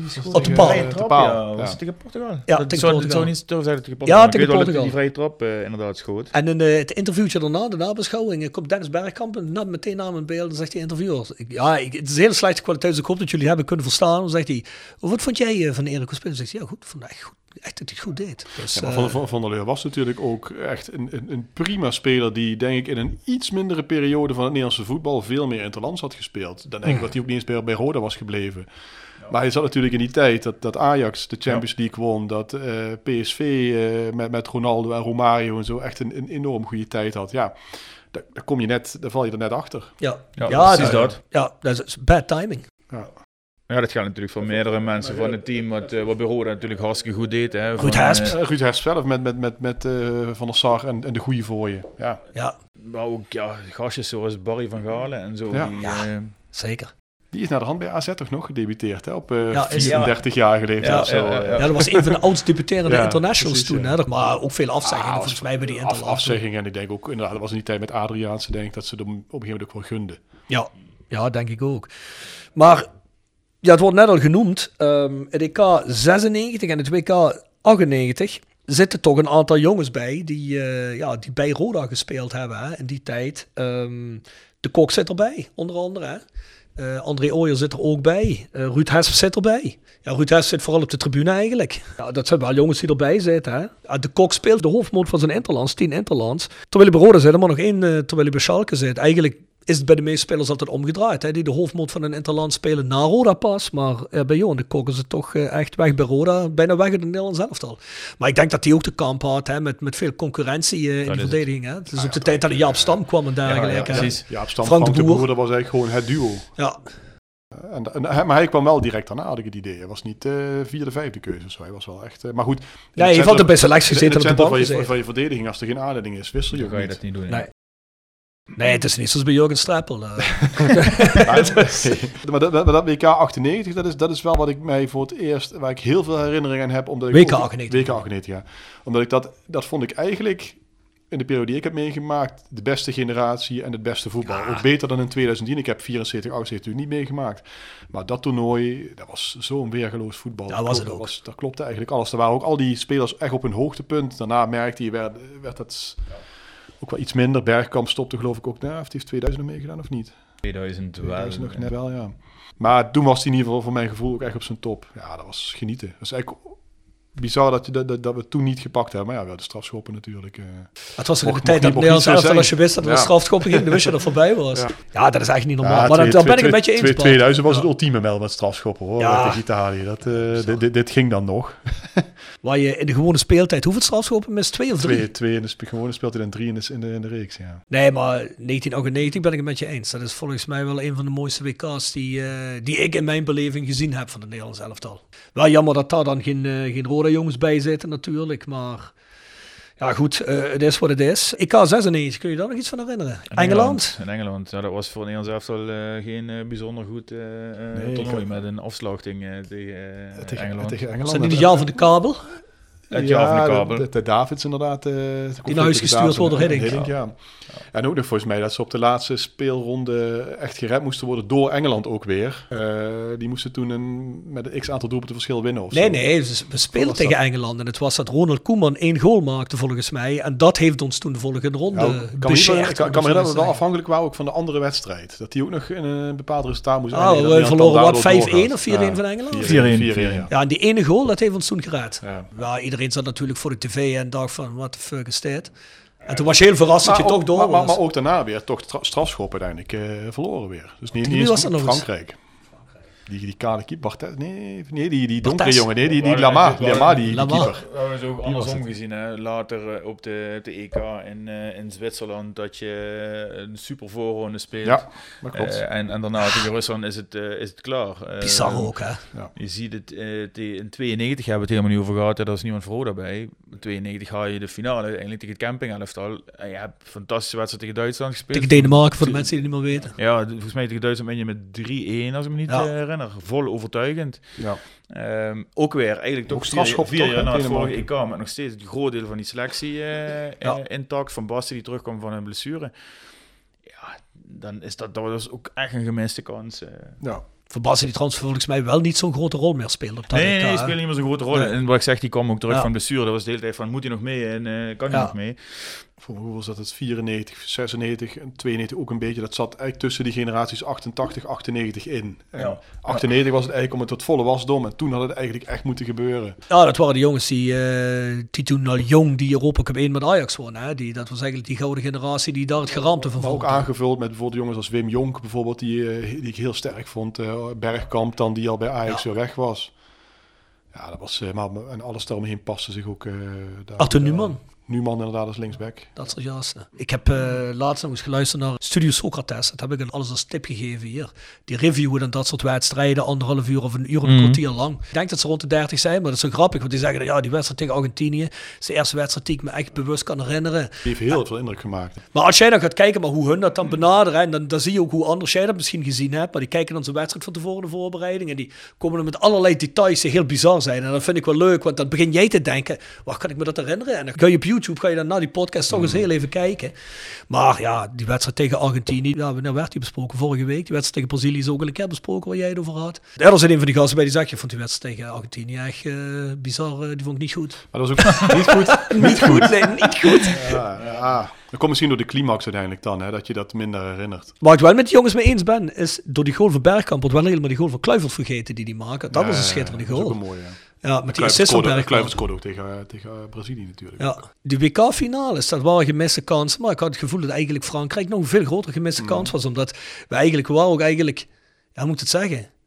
Ik had ook eigenlijk het gevoel, als je die, die halve finale doorkomt, ga je die finale sowieso winnen Ja, van en, en, Frankrijk. en toch is dat dus niet dan zo. Hè? Ja, tenminste, misschien dat wij het anders hadden gedaan, maar Brazilië ging er toch vrij kansloos af. Ronaldo was dan wel geblesseerd, blijkt ook achteraf. Maar zou natuurlijk ook met Zidane eh, echt eh, de nodige toppers. eh, dat Tuurlijk, ook, natuurlijk, natuurlijk. Maar ik had het wel eens willen zien Thierry- hoor. Thierry Henry denk ik al in die tijd ook al. Ja.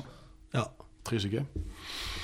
Ja, goed, goed. Ja, daarna komt er eigenlijk een beetje een hiatus eh, wat betreft eh, rode spelers. Of in Nederlands elftal in ieder geval. Hè. Er zijn natuurlijk nog wel rode internationals eh, die bij in hun nationale elftallen spelen, maar die komen niet meer van Nederlandse bodem.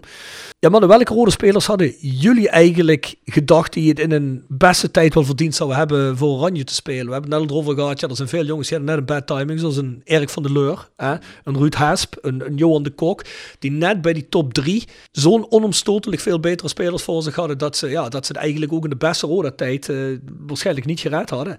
Maar wat zijn de jongens waarvan jullie hadden gezegd van, nou ja, die hadden op hun plek best wel eens het Nederlands elftal kunnen halen, in mijn Ja, ik denk dat je wel een mooi rijtje noemt, maar ook als je terugkijkt naar spelers die wel interlands gespeeld hebben, maar die er heel erg weinig gespeeld hebben. Of dat dan toch nog steeds relatief weinig gespeeld hebben. Zelfs, zelfs tot en met Pierre van Meulen aan toe, die toch een redelijk aantal interlands heeft gespeeld. Denk, zou je je kunnen voorstellen dat zo iemand toch in een, eh, bij een topclub had gezeten, dat hij dat die meer eh eh, interlands had gespeeld. Er, wordt wel vaak gezegd, hè, eh, maar ik, ik weet niet of dat zo is, maar is het, was het net niet zoals met Formule 1 bijvoorbeeld, zo dat er vroeger wel minder interlands waren? Ze zeggen nu, Ja, ja, record Ja, dat races zeker. Dat is zeker ook zo, ja. Nu, nu Kijk toch wel de minder... eh, ja, op. En de kwalificaties en alles. En, en de, weet ik wat. wat- Ah, dat ligt natuurlijk ook naar trouwens, zoals Fatih Sonkaya toen hier ook heeft gezegd, het ligt helemaal eraan wat voor trainer je hebt. Als je bij zo'n Nederlands elftal een trainer hebt die een vaste kern houdt. Hè?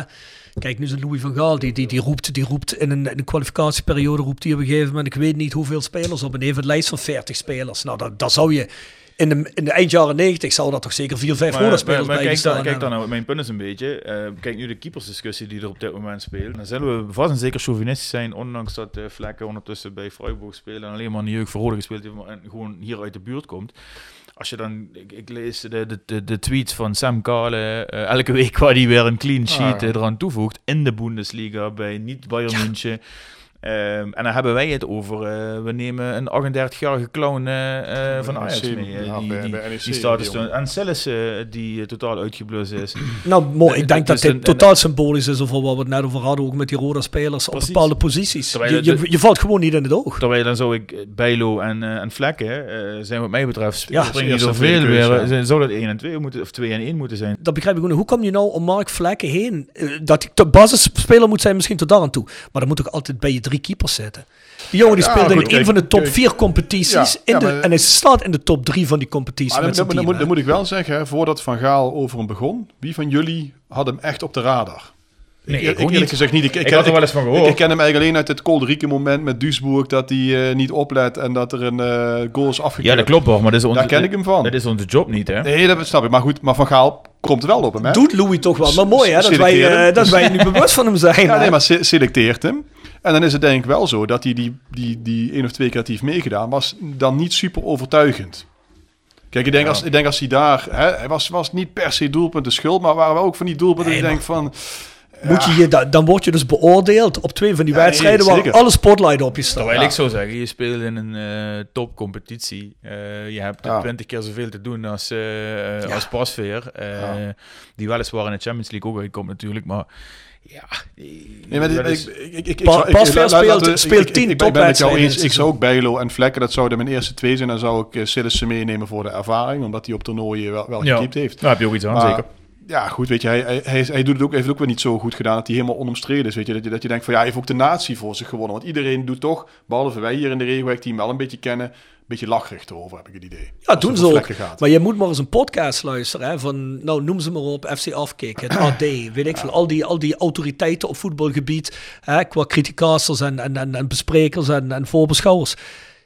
Daar valt de naam Vlekken helemaal niet meer in de, in de, de discussie over eh, keepers die mee moeten. Dan valt de naam van, hoe heet die flapdrol van Groningen? Of wie is dat? Of van, eh, hoe heet die Ah, gast? die, Die, eh, eh, of zo? Die, nee, nee, nee, hoe heet die nou? Die ene gast die meeneemt van Go Ahead of hoe heet die van Heerenveen? Ach, die, ja, Knoppert. Knoppert. Knoppert, Ja, maar ja, dat- Knoppert. dan moet je toch als Vlekken denken, what the fuck is dit nou weer? hè? Ja, wordt niet serieus genomen, denk ik. Nee, je wordt niet serieus genomen. Maar dan speel je bij Freiburg. Kom op. Ja, man. en, en bedoel, hij is ook niet helemaal door de mand gevallen bij Nederlands elftal. hè. Nee.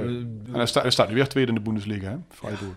En Freiburg in eh, de Europa Cup campagne. geen enkele wedstrijd verloren. Eh, nog drie clean sheets eh, Ja. wat hij daar had. eh, maar ja, goed, uh, hoe Die- we die- niet naar te kijken. Ja, we gaan het eind deze week horen, geloof ik, hè? Of niet? Ja. Wordt de selectie bekend. Ja, maar de- we gaan wel een Twitter-campagne voor Dus bij voor Mark deze, Vlekken Louis, voeren, godverdomme, Vlekken moet mee. Ja, ik vind dat bizar. Maar bijvoorbeeld ook in die tijd, vroeger, denken jullie dat... Hè, ik ga dus heel erg super eh Roda-chauvinist zijn. Had in zijn hoogtijdagen Gerry Zender ooit een, een kans moeten krijgen? Ehm, nou, eh, wat ik net zei over, over 88, eh, en dat is voor Gerry. Tenminste, voordat Gerry op zijn top eh, zat. Maar toen had je in dat team eh, met, eh, met de Van Arles en of de Van, van Arlen en de, de, de, de, de, de, de Van Tichelen en zo. Had je allemaal van die degelijke spelers die gewoon, die kon je een opdracht geven. Die konden, van die dienende spelers konden dat Mm. zijn. Zo zou ik Gerry ook hebben kunnen zien later. Maar later denk ik dat voetballen wel zich veranderd heeft. Ja. En dat er andere dingen van een back bijvoorbeeld verwacht werden. Als Gerry nou zes jaar eerder geboren was... Ja, of, of, of, of zes jaar later. Want Fernando Rix heeft voor naar de hand wel een tijd de kans gekregen. hè? En ik denk dat Gerry Ja, maar min- Van Ando was, dan Van. Ando was eigenlijk wel, moet, je, moet ik eerlijk erbij zeggen, tenminste hoe ik hem in herinnering had, toch wel het begin van de moderne back hoor. Die, die ging die vleugel op en af hoor. Ja, maar goed, kijk, in de tijd van Ger had je, had je Michael Reiziger en die was eigenlijk onomstreden. Ja. En ik, ik, denk- ik denk dat je een periode daarna en een periode daarvoor, dat het onomstreden zijn minder was van de spelers die er toen stonden. En dat die dan Maar, zelfs al was je vervanging geweest van Michael Reizen. Ja, zeker. Hij had op zijn minst wel eens een keer een selectie verdiend. René Troost? Ja, Mo zegt nu natuurlijk uiteraard. Ik, uiteraard. En eh, René heeft eh, militair elftal gespeeld en eh, volgens mij ook Jong Oranje. Ja, er zijn natuurlijk wel heel veel spelers van Roda die Jong Oranje hebben gehaald. Hè. Dat, eh, dat moeten we wel eerlijk zijn. Maar eventjes alleen eh, gewoon Nederlands elftal. Maar je noemde nou wel de spelers allemaal. Ik was ook aan het denken van wie bij Rode allemaal eh, met de Nederlandse nationaliteit echt omstreden is geweest. Dan moet je eerder terug in de tijd dan dat je naar de recente tijd. Natuurlijk de heel recente tijd sowieso niet. Maar nou, ik, ik was zelf aan denken voor nog van na, na, hè, nadat de laatste internationals geweest Jimmy zijn. Vijgen niet? Jimmy Vijgen niet. De enige, en die daar denk ik ook wel een beetje, beetje tegenaan gezeten heeft natuurlijk. En dat is ook na zijn rode tijd is Ruud Vormer geweest, denk ik. Ja. Nou, maar die ook na zijn De rode tijd is hij natuurlijk ook België geselecteerd goed geweest. ge- hè. ja, ja. Weliswaar op late leeftijd, maar... eh, Ja, en die, en die zat, vond ik in zijn rode periode ook wel al heel erg goed. Werd ook een beetje ondergewaardeerd, vond ik. Ja, maar er, er zijn in die tijd zijn er toch ook echt rode spelers geweest die echt eh, die op hun positie. Nou, ik had het niet raar gevonden als waren ze misschien niet als basisspeler, maar waren ze meegenomen in een selectie. Hè, al beland je op de tribune eventueel, maar ik bedoel ook zo'n Jansen, dat dat was toch ook, eh, was toch ook een hele goede speler. Of een Marcel Meeuwis. Ja. Op hun posities. Maar die hadden Maar natuurlijk van alles voor zich. Zat er net onder, inderdaad. Ja. Ja. Maar voor de rest hebben jullie niemand meer waarvan je zegt van, nou, dat, die, die staat me nog echt het heugen gegrift, die had eigenlijk wel moeten spelen. Attenveld in, in dat jaar. Maar, Ja, Attenveld is natuurlijk, eh, die heeft overal, eh, fantastische voetballer. Hè? Wat, een, wat een legende voor dat jaar wat hij bij ons is geweest. Maar dat was toch eh, altijd net eventjes en dan weer een hele tijd. Ja, ja. Ik, ik vond hem meer een eendagsvlieg. Ja. ja, ja, nee, klopt. Maar dat- door dat jaar, 94, Mhm. 95, eh, vond ik dat wel, wel echt een van de toonaangevende. Maar ik denk ook dat, eh, dat eh, de bondscoach dat niet met Attenveld had aangedurfd. Alleen al Nee. voor, voor, zijn, eh, voor, zijn, voor zijn temper en alles. Hij, heeft nou dan ook nooit meer dat niveau gehaald. Bij Groningen. Dat is natuurlijk ook zo. Hè. Er zijn een aantal spelers, eh, we noemen net ook Van Galen. Hè. En ja, dat was toch een fantastische voetballer, geniale voetballer eigenlijk. Maar ja, die lijn helemaal doortrekken, de volgende stap echt maken, dat is er niet Ja, geweest. is- sterker nog, hij is toen naar NAC geweest. Dat is niet echt succes geweest. Daarna naar AZ zelfs in de eerste divisie. In de eerste jaren Eredivisie met AZ was ook niet zo geweldig. En toen onder Adriaans heeft hij eigenlijk weer even die piek gehad... Dat die vergelijkbaar is met dat jaar, die, die twee jaar Roda. Max Huiberts. Huiberts, ja. Ja, Huibers had ik me ook nog kunnen voorstellen. Maar ja, die had natuurlijk ook fantastische... Ja, vooral Ajax-lui wel voor zich hè, in die tijd. Ja. Ja, maar ja, goed. eh, Eh, ik, ik had het niet gek gevonden als bij een oefenwedstrijdje, eh, bij zo'n niemandalletje, misschien toch eens een keer een Gerry Zender had gespeeld, weet je. Uiteindelijk uit die tijd zijn er natuurlijk relatief toch veel spelers die of bij Rode of uiteindelijk in het Nederlands zijn gekomen. Hè. Eh, die, Dat wel, die, zijn, ja. die na 95, 96, eh, de vier- periode 94, 96, 97 zijn, zijn doorgestroomd naar ja, Van Haasp, Ooyer, eh, noem allemaal op. Eh, die toch, en, en ook de buitenlandse spelers die we, die we hadden, eh, die het wel degelijk gehaald hebben. Zeker weten. Five Aside. Gepresenteerd door Herberg de Bernardeshoeve. Weekendje weg in eigen streek? Boek een appartementje en ga heerlijk eten met fantastisch uitzicht in het prachtige Mingersborg bij Marco van Hoogdalem en zijn vrouw Danny. www.bernardeshoeve.nl En Stok Grondverzet uit Simpelveld. Voor al uw graafwerk, van klein tot groot. Onze gravels staan voor u klaar. Tevens worden we gesteund door Wiert's Company. Ben je op zoek naar extra personeel? Bezoek het kantoor van Wiert's Company in het Parkstad Limburgstadion of ga naar www.wierts.com. Wie gaat het doen? Mooi hè, als uh, Nederlands elftal man. Ja, eh, als we het dan hebben over eh eh, Roda-spelers die eh, WK-wedstrijden gespeeld hebben, eh, Nederlanders en buitenlanders, dan, ehm, ja, dan kom ik op, eh, eh, we hebben ze meestal genoemd trouwens, eh Jongbloed, Fraser, Lawal, eh, Van Loen en eh Nanninga. Nice. Dan kun je wel een vijf side mee winnen, Met denk ik. eh, Graham Arnold als eh, trainer, die, Als eh, die we in, trainer, die we in Qatar gaan zien als eh, bondscoach van, eh, van zijn Australië. Hebben jullie Graham Arnold nog zien spelen of niet? Jazeker, begin jaren 90, hè, nadat Van Loen weg was, Ja. eh, kwam, eh, kwam Arnold. Oh, daar was ik altijd fan van, van Graham Arnold. Die vond ik schitterend. En ik, ik was Ja, eigenlijk verrast. dus Ik zag dat hij nog altijd zo actief in de voetbal zat. Ik wist dat hij veel te doen had met het Australische elftal rond de eeuwwisseling. Maar Ja, ik, ik was me eh, er helemaal niet van bewust Ja, dat hij... ja, eh, hij was assistent in 2010 in eh, Zuid-Afrika. Is er nog clubmanager geweest in de tussentijd. Eh daar was hij toen volgens mij ook al, deed hij dat erbij. Eh, maar die is, die is de hele tijd actief geweest. In het maar volgens mij is hij toch ook, toen eh Hiddink Australië deed, was hij volgens mij assistent ook. Hè? In Korea toch? Hè? Wat Oh, was dat is het? in nee, Korea niet Korea. Nee, toen, toen was, zat Hiddink bij Korea. Nee, Dus- wanneer was dat dan? 2014? Uh, Hiddink heeft ook bij Australië gezeten. Of 2006? Twee- nee, maar wanneer zat hij dan? 2010. 2010? Ja, zeker. Want toen Ja, was Van Korea Marwijk was 2 was 2 trainer van het Nederlands elftal. Ja. klopt. Ja, toen was hij assistent volgens Maar mij. hij is, is ook wel zo'n jongen die nooit op een WK gespeeld heeft. Omdat dat Australië natuurlijk altijd was ingedeeld in dat Oceanië. Hè? En die moesten heel lang moesten die dan eh barragewedstrijden spelen tegen de nummer 4 van Zuid-Amerika of zo. Ja. Ja. dat redden ze niet. Nu hebben ze geloof ik één standaard. Nee, nu zitten ze bij Azië geloof ik ingedeeld. Hè? Ja, zo. Dus, ja, ja, eh, ze kunnen moeten nu wel kwalificeren, maar... ja. Maar ja, nu hebben ze volgens mij, moesten ze, eh, die zit ook bij, eh, ze hebben de, de, de kwalificatieklasse toevallig vandaag over Arnold, niet toevallig natuurlijk. Eh, die eh, spelen de tweede kwalificatieronde, of de tweede playoff ronde tegen Peru. Eh, en eh, hij wisselde daar de keeper voor de penaltyreeks. En dat was eh, een Louis van Gaalse Ja, ja, ja. actie. Ehm, en, en daardoor, die keeper die houdt dus pakte twee wel. ballen zo uit, waaronder de, de beslissende. Maar dat is psychologisch zo vervelend voor zijn tegenstander. ja, ja. dat ja. doet. Maar goed, die spelen dus ook, die moeten dus eindelijk tegen, de, de- tegen een team uit Latijns-Amerika. Eh, Ja, oké. maar- ja, oké. Dus, dus, Ja, kan volgens volgens mij heeft tegenwoordig iets meer kans maken. Nee, maar volgens mij heeft de Aziatische groep heeft volgens mij meer eh kwalificerende teams erbij Ja, gekregen. volgens mij is het nu de nummer 5 of 6 die tegen die... eh Ja, tegen zullen die ze dat misschien geworden zijn en die moeten dan Ja. alsnog bekijken. Dus natuurlijk, ze moeten zich nog steeds wel plaatsen. Maar eigenlijk moet, mag je als Australië tegenwoordig toch ook als voetbalnatie mag je eigenlijk wel verwachten dat je bij die top 5 eindigt in, eh, in Azië, moet ik zeggen. Ja. Dus wat zit dan nog boven Japan, en misschien ook hier en Korea. anders. Iran heeft sterk voetbal, eh, sterke voetbalnatie. Vind jullie trouwens van dat eh, heel veel van die eh, Iraanse celebrities, waaronder ook ex-spelers Ja. zoals Ali Day, halen onze godsnaam weg van het WK. Dat kan niet hoe dat hier is in dat land. Ik, hoop dat die voorlopig niet naar Iran hoeven, die jongens. En dat ze daar familie hebben die veilig zitten. Want Ja, ik had vroeger een Iranese Persische vriend. En, en toen ik vroeger in Heerlen woonde, die is ooit ontsnapt uit dat land op bepaalde activiteiten, waar ik verder hier niet op ingaan.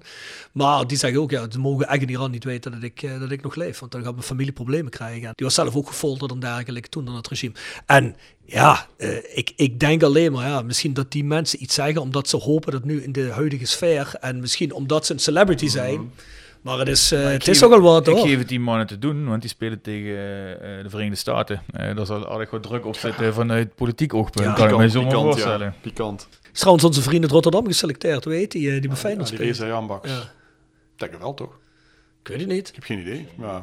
Ik vind hem niet zo sterk voetballen. Dus, I- Iran wordt niet het elftal dat ik ga volgen, eh, Rob. Op het- Nee, is dat niet het elftal wat jij gaat volgen? Dat had ik niet gedacht. Wel een beetje jammer. Die- Die staat niet op de shortlist. jij, jij, gaat, jij gaat Qatar volgen. Goed zo, Maar goed ja, als zo. we Argentijnse toestanden krijgen, dan, dan zouden die wel eens ver kunnen komen. Qatar, ja, ja, ja, ja, ja. Naspeeltijd tegen Oranje meteen in die laatste wedstrijd. Ja, al van of. Zuid-Korea, hè, met al die, eh, al die rare scheidsrechtelijke beslissingen. Maar die redden uiteindelijk dan toch niet, hè. Dus Nee, maar ja, dan moet je wel... Het mag ook niet dan moet je wel te heel corrupt eh, Ja, ja. En jongens, het WK in Qatar is natuurlijk eh, veel over gezegd. We hebben natuurlijk een aantal kanttekeningen over. Ja, mogen wat erheen. Maar volgens mij, hè, kon je niet als Nederlands elftal eh, supporter ingevlogen worden door, eh, de, Ja, door, de, de, de, door emir of hoe het wordt, het wordt vergoed zelfs, hè. Volgens mij de Tieteman, die gaat, eh, die krijgt alles vergoed. Nee, ja, die mogen ze dan wat mij, die mogen ze wat mij betreft van een gebouw afgooien. daar. Ja, maar volgens mij kan dat ook niet. De Tieteman kan toch niet als man met Ja. tieten erheen? Dat kan toch niet? Nou, eh, dat, dat, dat, werd bij Jinek werd hij daarna gevraagd. En toen gaf hij wel aan, hij ging, er was voornemens om het gewoon te gaan doen, zijn act op te gaan voeren. Eh, hij was ook voornemens om zich te verzetten in eerste instantie, maar niet als hij in de gevangenis kon belanden. Dan, eh, weet je, als, als er iets was waarmee die, als, als hij dreigde die, die moet nog eens worden, goed kijken naar wat er in dat soort landen gebeurt, merk je. Eh, verzet, eh, nou ja, goed. Kijk, eh, dat, dat hele verhaal is natuurlijk waar. En dat is ook absurd, maar het gebeurt natuurlijk altijd overal dat er mensen betaald worden. En, wat hier, ik, ik, ik hoorde ook een, ik luisterde een podcast hierover. En er zijn dus schijnbaar twee fans per land die, die in eerste instantie gevraagd werden hiervoor. En die dus daadwerkelijk hele strikte instructies kregen over wat ze willen. En daar kun je iets van vinden. Ik vind dat ook absurd. Ik zou me daar ook niet verlenen om reclame te maken voor wie dan ook. of dat nu voor een, een land wat in het algemeen gedoogd wordt is, of voor een Qatar waar we op van alles aan te merken zou kunnen zijn. Eh, en die mochten dan vervolgens als beloning eh, eh, in totaal een vijftigtal andere fans uitkiezen. En die kregen dan ook iets minder strenge voorwaarden. Maar jongens, ja, dat, dat heb ik, eh, dat, dat is dus de Clowns Army die er naartoe gaat, hè, het schaatsleger. eh. en ik zou bijna hopen eh, dat ze daar eens, als zo'n Pipo denkt, ik doe met twee ballonnen onder mijn shirtje, dat ze denken, vriend, dat is hier niet geaccepteerd. En jij snapt helemaal niks van deze hele wereld. En dan kan iedereen roepen, kijk eens, wat een niet vrij land. Maar dat zou prima zijn als ze die gewoon daar houden. Je bedoelt, Ja, je bedoelt, daar ben ik het volledig mee eens. Wat bedoelt die dictatuur zou ontstaan met een goede dienst bewijzen? Ja, precies. nou ja, ik, ik ga er niet altijd... Elk nadeel heeft zijn voordeel, zeggen we maar. Hè? Kijk, daar, de- laten we eerlijk zijn. In dat land zijn dingen gebeurd in aanloop van die WK, eh, waar je, die, die natuurlijk absurd zijn. Hè? Ehm, eh, waar mensen Het feit dat we erheen gaan is natuurlijk op zich al... Waar, waar maar maar we, ga- we gaan erheen. Eh, iedereen gaat erheen. Eh, we zijn ook naar allerlei andere landen gegaan. Ehm, ik kan je vertellen, ik woonde in Zuid-Afrika toen daar de voorbe- voorbereiding op de WK was. Daar was heel veel kritiek dat er heel veel mensen in armoede woonden en er heel veel geld wordt uitgegeven aan een precisieproject. Kun je, ook, eh, kun je gedeeltelijk het argument voeren van zo'n land heeft daar achteraf voordeel bij. Ik kan je vertellen, in Zuid-Afrika is er ook heel veel, heel veel dingen niet nagedacht en is er zeker ook geen voordeel bij geweest. Mhm. Eh, daar werd ook over mensenrechten gesproken. We gaan ook naar een WK in Amerika, eh, waar we anders tegenaan kijken als land. En waar dan niet zo'n dingen gebeuren, maar waar elke maand op een school eh, kinderen worden doodgeschoten. Er is niemand die dacht van ik doe me eens een shirtje aan met een eh, Kalashnikov met een streep er doorheen. Die, ik, kan ook wel ook even... Ik, we, gaan ook, Guantanamo, we gaan ook naar Rusland in de naar de. WK. Ja. We gaan overal naar de WK. en ik, ik vind ook als iemand serieus dan iets daar bezwaar tegen heeft, is allemaal prima. Maar kom er nog niet aan zeiken daarna en verwacht ook nog iets van de sporters en zeg iets van de fans die er naartoe gaan.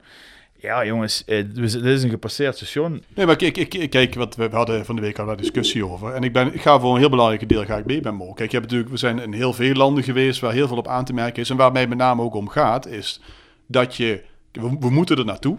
Hè? Je hebt je gekwalificeerd, eh, het is toegekend, het gaat daar gebeuren, dus daar moet je naartoe. Dat supporters daar naartoe gaan, dat eh, moeten ze ook allemaal, eh, wat mij betreft, zelf weten. Maar je moet het wel, kijk, op dat moment is er wel het momentum om er iets van te zeggen. En je moet dat wel kritisch volgen. Ik weet ook, 78 was ik nog niet eens geboren, maar als je daar de hand leest over de journalisten die daar geweest zijn, die hebben daar gewoon hun werk gedaan. Die hebben ook gewoon geschreven over wat ze daar tegenkwamen. En dat is met name wat ik vind, dat moet ook gewoon blijven gebeuren. En je mag toch een statement maken. Eh, kijk, op het moment dat daar 6.500 mensen overleden zijn bij de bouw van die stadions, dan vind ik, als je daar dan bent, dan moet je er ook iets van zeggen. En dat is met name, hè, en er zitten ook heel veel mensen die allemaal zeggen van ja jongens, daar moet ik allemaal helemaal niks van hebben en het is hier nu helemaal sportief. En eh, kijk, kijk als, als, als wij er met, als Nederlands elftal met zo'n shirtje komen met voetbal supports change, en dan moet je dan ook nog heel goed, dan moet je op inzoomen om het überhaupt te kunnen lezen. Het is, Dus dat is ja. zo half bakken. eh, kijk, en je, je bent ook in de positie daar om iets te doen. Hè? Want er zal geen speler van het Nederlands elftal of wie dan ook, die zal daar door het regime aangepakt worden op het moment dat ze daar een bek open trekken. Dus dat zijn eigenlijk de enigen die daar werkelijk iets kunnen. Van een supporter kun je dat niet eens verwachten, want ja, eh, God mag weten wat er met je Ja, gebeurt. maar is het, het is toch ook raar, het is toch ook raar als je dat niet zou doen? Of, of ik bedoel, ik zal me er zelf totaal niet prettig bij voelen. Als je iemand bent die daar een verschil kan maken, bedoel ik. Je zal toch, je zal toch iets doen? Kijk, ze, ze hebben een mond vol ook over racisme-debatten en weet ik wat allemaal. Ook, ook terecht dat ze daar, daar nemen ze dan wel stelling eh, over terecht, in ja. en, en alles. En dat- dat, dat vind ik ook goed dat ze dat doen. Daar, deden, daar, daar gebruiken ze een bekendheid voor. Dan moet je dat hier ook doen. En op de een of andere manier lijkt dat allemaal toch wat Ja, lastiger dat, te ik ben, daar daar. ben ik wel gedeeltelijk met je eens. Ook, ook als je ziet wat er op eh, eh, Olympische Spelen in China of whatever. Dat- En dat geldt nu ook. Sommigen eh, in het verleden hebben zich daar eh, bijvoorbeeld tegen racisme, eh, eh, ook richting Amerika, dat soort dingen go- goed uitgesproken en dat gedaan. Nu lijkt dat, dat politiek besef er veel minder te zijn om zoiets te doen. Want, kijk, ik, ik denk als iemand het doet, dan gaat Van Galen doen. Denk ik. Die, heeft, die heeft daar scheid aan. En denk wel dat, dat de ophef die, nu, die er nu geweest is en die er nog steeds is, dat die er wel toe leidt dat er daadwerkelijk iets verandert in zijn selectieprocedure. Ik denk niet dat we nog heel snel naar een land als Qatar, denk ik. we gaan ook naar China en naar Rusland voor een eh, Olympische Spelen, EK's, WK's. eh, dus Nou, da- daar geloof ik echt niet in. En ik, ik denk ook dat we in het algemeen onderschatten. Kijk, ik snap ook nog het argument van voetbalsupporters. Van eh, WK in de winter, is nog nooit geweest, is geen voetballand. Ik denk dat we ook onderschatten. en ik ben veel in het Midden-Oosten geweest.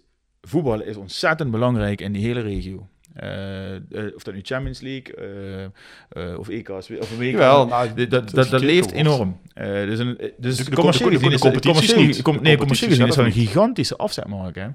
Eh, Tuurlijk. daarnaast zit er natuurlijk niet alleen in Qatar, maar nogmaals, het hele Midden-Oosten. Eh, redelijk veel geld wat in Europa geïnvesteerd wordt. Hè. Kijk eens naar eh, de Premier League, maar ook in eh, PSG, et cetera, et cetera.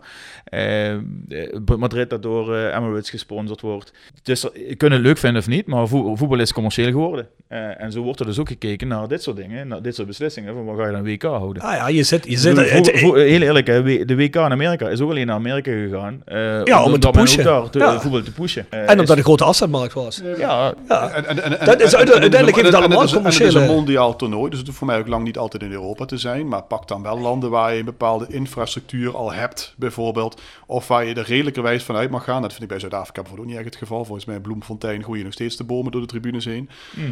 Maar waar je ook daarna daar nog iets aan hebt. Ja, dan denk ik, dan is, kijk, Amerika, Canada, Mexico bijvoorbeeld, dat, en, en, en Brazilië ook. Dat zijn wel landen waar het voetbal ook daadwerkelijk een redelijke... Hè, nou, Ja, goed, Australië, maar dan noem je Japan ook, dan noem je nog ook wel- wel dan noem je ook wel zo'n voorbeeld. Aan Brazilië was toen ook heel veel eh, kritiek op. Hè? Ja, Eh, nee, dat, de- dat, dat, dat klopt, dat klopt. En, en, en, Maar je, maar je kunt het ook, ik, ik begrijp het wel, je kunt het ook bijna niet brengen waar eh, een bepaald percentage eh, zo extreem onder de armoedsgrens leeft. Dat jij dan een stadion van, eh, van 500 miljoen gaat neerzetten. Ja. dat moet je, aan wie verkoop je dat als jouw kind sterft van... dat, is, dat, dat, dat, dat, dat ze altijd in discussie blijven. Wat ik zelf wel echt een enorm verschil vind met, tussen Qatar en bijvoorbeeld Brazilië en Zuid-Afrika. Is dat in Qatar het geld letterlijk uit de grond spuit. En dat je dan nog eh, de mensen die aan die stadions werken, die op een fatsoenlijke manier Ja, dat begrijp ik- dat- dat begrijp ik echt- dus ook vind ik niet. echt wel een Nee. verschil ten opzichte van, van andere landen. Dat begrijp ik dus ook niet. Want je had het zo Dat gemakkelijk is- kunnen maken. ja. Hè? Als je dan al naar een land toe gaat. Elk voetbalargument wat er tegen spreekt. Hè, zullen we maar zeggen, hè? in de winter, geen voetballand, geen infrastructuur. Dan kun je op zijn minst zeggen, hey, maar die jongens die hebben hier wel mooi Ja. lekker geld verdiend. Zitten hier goed, hebben lekker gegeten, gaan dadelijk naar huis. Misschien kunnen er nog een paar in dienst blijven. Dan, dan maak je reclame voor jezelf. Sterker nog, ja, mensen de mond kunnen snoeren. Ja, ja, want, precies. want die kritiek die was er op voorhand al. Ja, je Eh, begrijpt je- er kunnen reet zien, van. jongens, kom, hier is de hele wereld, kijk mee hier, kijk hier, hoe, hoe goed ze het hebben. Ja. En dat, dat had ze totaal geen pijn gedaan verder. Dan had je eigenlijk had, had Nee. niemand iets te zeggen gehad, behalve dan ja, klimaat en weet ik wat allemaal. Maar er wat is, ga je dan eh, doen? Maar. ik, ik hoorde eh, inderdaad, volgens mij ook van de jongens van Studio Socrates, die hebben ook altijd de tip van de week. Dan gaat het dus ook over een, een podcast, volgens mij ook van de NPO. Die doen trouwens ook hele goede podcasts over allerlei thema's. Die hebben toen ook die over die, eh die, die, die, die dingesaffaire, waar ook Erik van der Leur even in terugkomt. Hè? Die, eh die, gokaffaire. Ja, ja, ja. Hebben die gemaakt. Die gaan dus in-depth in over hoe Qatar en die landen tientallen jaren terug eigenlijk hiermee bezig zijn geweest. En wat de bedoeling erachter is, hoe het cultureel zit. Ja. Dus die ga ook eens luisteren, want dat lijkt me wel interessant. Maar eh, ja, ik denk, wat Mo zegt, het is niet meer weg te denken. Het, is, het zit er helemaal doorheen vergroeid. Eh, ik denk, heel eerlijk, dat iedereen die het voor het zeggen heeft in het voetbal, wereldwijd, dat die ook gewoon helemaal niet nee kan zeggen meer tegen die mensen. Als die over twaalf jaar weer een WK willen hebben in Saudi-Arabië, gaat dat ook wel gebeuren, 100%. Nou ja, ik denk dat, we, dat, we, dat voetbal ook daadwerkelijk. eh, en en ik, ik kan je helemaal volgen, Bart, in de zin van de toestanden die in allerlei landen zich, zich afspelen. Ehm, Maar ik denk dat, je, dat voetbal is in die zin echt mondiaal geworden. Hè. Het is niet meer alleen maar Latijns-Amerika en, en West-Europa dat de klok slaat. Ehm, en, en, en, en er spelen ook politieke invloeden van hey, we moeten eens een keer naar Afrika gaan, want daar zitten zoveel stemmen voor, eh, voor de volgende president van de FIFA die ik eh, kan... eh, dat, we kunnen er wel voor weglopen, maar dat is, of we kunnen er iets van vinden, maar Hmm. dat, dat is nou eenmaal... eh, eh, Nee, maar dat, daar ben ik ook niet tegen. Dan zou ik alleen wel een land kiezen waar, je, ja, waar het meer, veel meer leeft, zeg maar. Want in Afrika leeft voetbal natuurlijk meer dan genoeg. Kijk naar Marokko of zo bijvoorbeeld. Ja, daar zou je best wel vinden eh, Egypte. Maar, of, maar eh, Marokko is ook Libië. een lekker land. Gaan ze ook lekker met Nee, mensen om... eh, eh, nee, maar, Ja, nee, maar, nee, maar, nee, dat maar- is nee, maar- overal. nee, maar kijk, daar, daar, daar heb ik het even puur over het argument van Ja, wat, wat, wat, ja, wat, wat, gebeurt er met die infrastructuur na een toernooi. Heb, heb, heb je daar dan na de hand Maar, nog iets aan? Maar, wat, wat, ja, de, als je, maar als je dat zou zeggen, dan kom, ik, ben heel, ik ga even advocaat van de duivel spelen. Maar dat- van die acht stadions, waarvan ik er zeven mag bezoeken, daar worden er volgens mij zes afgebroken. Eh, En die gaan ze, er, en, en de rest van de wereld gaan ze die, Gaan ze weer opbouwen, opnieuw ja. op, opbouwen. Ja, ja. Dat is beter dan, dan in Zuid-Afrika, waar inderdaad, zelfs een stadion in Durban, daar wordt gelukkig af en toe in gerugbied eh, ondertussen. Fantastisch mooi stadion. Eh in Kaapstad hebben ze jarenlang niet geweten wat ze ermee moeten. In Johannesburg staat eh, Soccer City, eh, wat af en toe is gebruikt, maar we belangen na niet eh, eh, utilized eh, is. Laat staan Bloemfontein en al die andere dingen. Nee, dat valt vies tegen. Wat daar, Dus eh, ja, wat daar aan overgehouden eh, is. Wat, wat, jouw punt, hè, dat was in Brazilië zo, dat was in Zuid-Afrika zo, dat is nu in Qatar ook zo. Wat geven ze terug dat eigenlijk aan de, aan de bevolking die het nodig heeft? Eh, eh, in Brazilië werd er bijvoorbeeld ook gesproken over eh, openbaar vervoer, busverbindingen, treinverbindingen, dat, dat gaan we allemaal beter maken, dus daar heeft het land ook profijt van. Nou, daar komt in de regel heel erg weinig eh, van terecht. Mm. Dat klinkt allemaal leuk en is niet Mm. zo. En dat, en dat is gedeeltelijk terwijl het eh, kan wel, hè? Het kan wel. Als Ja. je kijkt Frankrijk, Duitsland, hoe, hoe Duitsland echt een boom heeft gehad na dat WK bijvoorbeeld. Al die stadions gemoderniseerd, eh, al die ploegen die... Ja. Dus het Ja, kan wel, goed. maar ja... Dan, Maar goed, heb je ook over een land waar al zoveel infrastructuur ligt, dat, dat ze zich Ja. ook kunnen concentreren op de stadions en niet hoeven te concentreren op dat er, eh, dat er een eh, extra metrolijn bij komt. Hè. Zonder meer waar, ja. Maar goed. Ik ga langzaam naar het einde toe. Ja, ik had hier nog staan eigen ervaring in K's en WK's. Dat zal vooral mooi zijn. Noem eens één highlightje. Want anders wordt het misschien heel lang En, en, moet verhaal. je misschien een sterke story dan eh, daar gelijk van maken. Stichtpunt Sterke Stories. Gepresenteerd door Stichtpunt Tattoo Kerkrade. Tevens gesteund door Van Ooyen Glashandel. Sinds 1937 vervangen en repareren wij al uw glas met veel passie en toewijding. Met 24 uur service. www.vanooyen.com En Quick Consulting. Laat finance waarde toevoegen aan je organisatie. We komen graag met je in gesprek om aan de hand van concrete voorbeelden duidelijk te maken hoe we dit ook binnen jouw onderneming kunnen realiseren. Think win-win, think quick. www.quickconsulting.nl Tevens gesteund door Roda Arctic Front. Sterke stories. ik, ben, ik moet denken welke ik hier kan, eh, kan Had je, achter, had je achterna gereisd werd door eh, Henny en eh Bechels of zo? Was dat ieder, Nou ja, ieder, de- ieder, ieder, ieder groot toernooi. dit, dit wordt, ik weet niet hoeveel toernooi dat ik, eh, dat ik ga. Sinds, sinds 2000 ben ik, eh, ben ik, ben ik het gaan. En ehm, daar heb ik eigenlijk alle Nederlands elftal toernooien gezien, behalve in Zwitserland, want toen woonde ik in Zuid-Afrika. Ehm, eh, in Zuid-Afrika trouwens, toen ik daar uiteindelijk naar de WK ging, toen woonde ik daar niet meer. Maar toen had ik als, eh als inwoner van Zuid-Afrika destijds kaart aangevraagd. Ehm, daar ben ik toen naartoe gegaan. Fantastisch WK gehad. eh, heel veel Nederlanders eh, eh, ontmoet op Oranje campings die daar naartoe gingen. Natuurlijk een fantastisch la- vakantieland ook. Vuvuzela's. Ehm, maar ook Nieuw-Zeelanders. Kun je dat herinneren? Weet je dat? Die Vuvuzela's. Oh nee, ik dacht, ik dacht Nieuw-Zeelanders. Nee, nee, nee. hele, op het strand in. Durban. eh, ehm, eh, Nieuw-Zeelanders, fantastisch paar dagen beleefd. Ik kon natuurlijk het hele land doorreizen met het Nederlands. Die spelen in Johannesburg, Durban en, en Kaapstad toen. En inderdaad, in Kaapstad loop ik op een gegeven moment rond. En word ik, ik, ik, ik word aangesproken door, eh, door, eh, door, door eh, eh, hoe heet die, onze kerkraadsagent. Ik denk, godverdomme, kom ik, jou, kom ik jou nou hier ook nog tegen? Nee, nee, nee, niet bij wat Oh. de brillen. Ik ben zijn naam even kwijt. Ehm, dus dat was, eh, dat was daar. Ja, met, Ingo de, afgelopen eh, eh, WK's en EK's geweest. Eh, met Brazilië. Toen had ik in Sao Paulo gewoon via boek.com eh, een, een hotel geboekt of een, een appartement. Nou, dat lag echt, echt in een, in een, achterbuurt in Sao Paulo. Ik dacht, oh, dat ligt lekker centraal.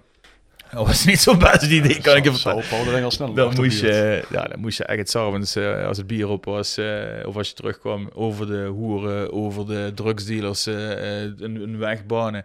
Dan gingen we het s'avonds, eh zaten we op, in een appartementje een biertje gedronken. Ah shit, bier is op. Nou, kom, we gaan even naar een barretje beneden in de straat, pakken we een biertje. En we liepen die bar in en, die, en dan zaten we denk ik, oh, dit is, dit, is niet, eh, dit is niet de goede plek om, eh, om hier te zijn. Dus, eh, maar goed, ik, ik had het toch nog dorst. En eh pak een biertje. En, en die lui die daar zaten te, te drinken, eh, die, eh, die, gaven ons, eh, die gaven ons eieren, gekookte eieren midden in de nacht om te eten. Die zaten er allemaal het bier te drinken en gekookte eieren te vreten. Maar uiteindelijk was het een prima sfeertje. Er was helemaal niks aan de hand. Ja, goed. Maar dat, was, dat, dat is wel cool. En dat is ook wat ik heel erg gaaf van die, met name die WK's vind. En, maar ook de EK bijvoorbeeld in de Oekraïne. Je komt, op, eh, op, op, je komt nog eens ergens. En ik, ik had al redelijk veel van de wereld eh, gezien. Maar dat vind ik nou altijd cool. Om, en dat geldt dus ook voor Qatar. Eh, ja, je komt op plekken waar je normaal niet zou komen. En in Mhm. situaties waar je normaal niet zou komen. Eh, in landen en culturen waar je niet zo snel mee in aanraking komt. Eh, en zeker denk ik op de manier waarop wij eh, eh, meestal eh, door zo'n land eh, reizen. Eh, is dat denk ik een van de coolste dingen. Naast het feit dat we natuurlijk lekker voetballen. Kan ik helemaal Bier begrijpen. en gekookte eieren. Bier en gekookte eieren. Dan luister, in, in, in support van Moon Ingo op volgende WK kunnen wij best een Nederlands wel elftal wedstrijdje kijken. Bier en gekookte eieren eten, toch? ja goed, dan hebben we toch in anderhalf uur heel eventjes eh, alles wat, eh wat Rodat eh aangaat en het eh, internationale gebeuren hebben doorgenomen. Nou ja goed, hadden eens een keer tijd, hè, want we hebben toch wel een, eh, een rijke historie wat daar aangaat. Dus eh, nou, bij deze. In de Voice Match horen jullie ons trouwens over recente zaken hè, die het Nederlands elftal aangaan. Ook eh, trouwens verder weer door met Roda doorspekt. Ja, Giacomo, eh, goedemiddag. We zitten hier eh, in de PC Hoofdstraat van Palermo. Ik ben al een eh, paar honderd euro lichter aan kleding.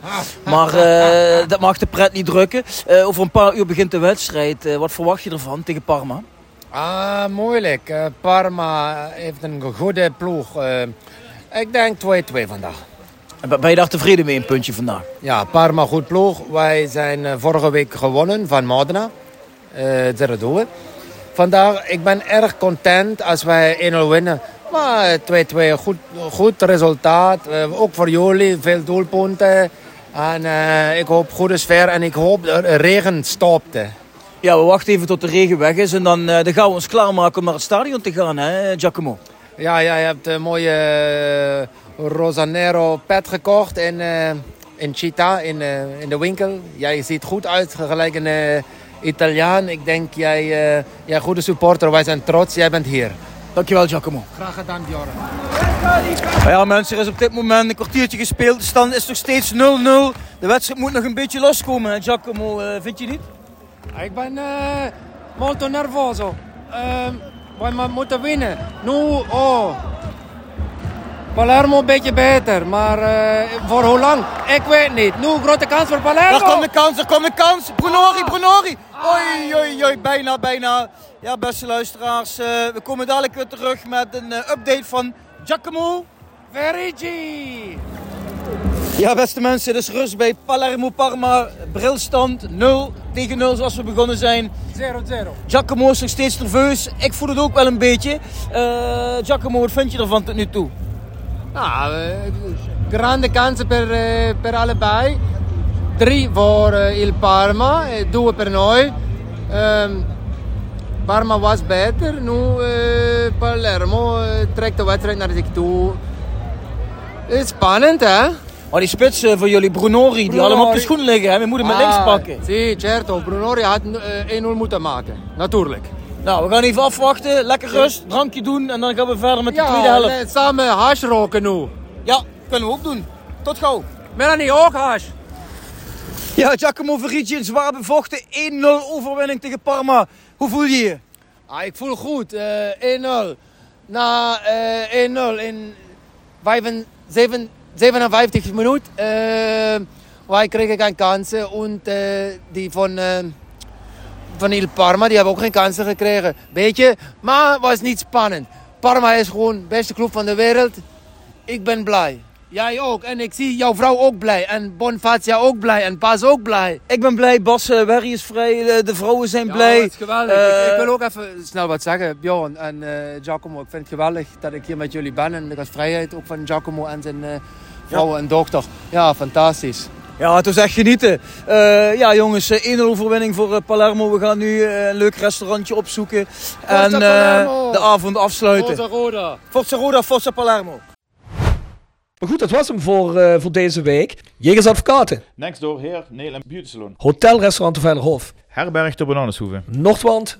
Stokgrondverzet. Rapi Autodemontage. Van Ooije Glashandel. Quick Consulting. Wiertz Company. Fandom Merchandising. Het Nederlands Mijnmuseum. Rode Support. PC Data. Metaalgieterij van Gilst. En dan houdt mijn lijstje op. Oh nee, hier gaan we verder. Willeweber Keukens. Stichtpunt Tattoo Kerkrade. De Voice of Calais Support Noord. En de Rode Arctic Front, Rode fans uit. Scandinavië. The Voice of Calais at south16.com is ons e-mailadres. South16.com is de website.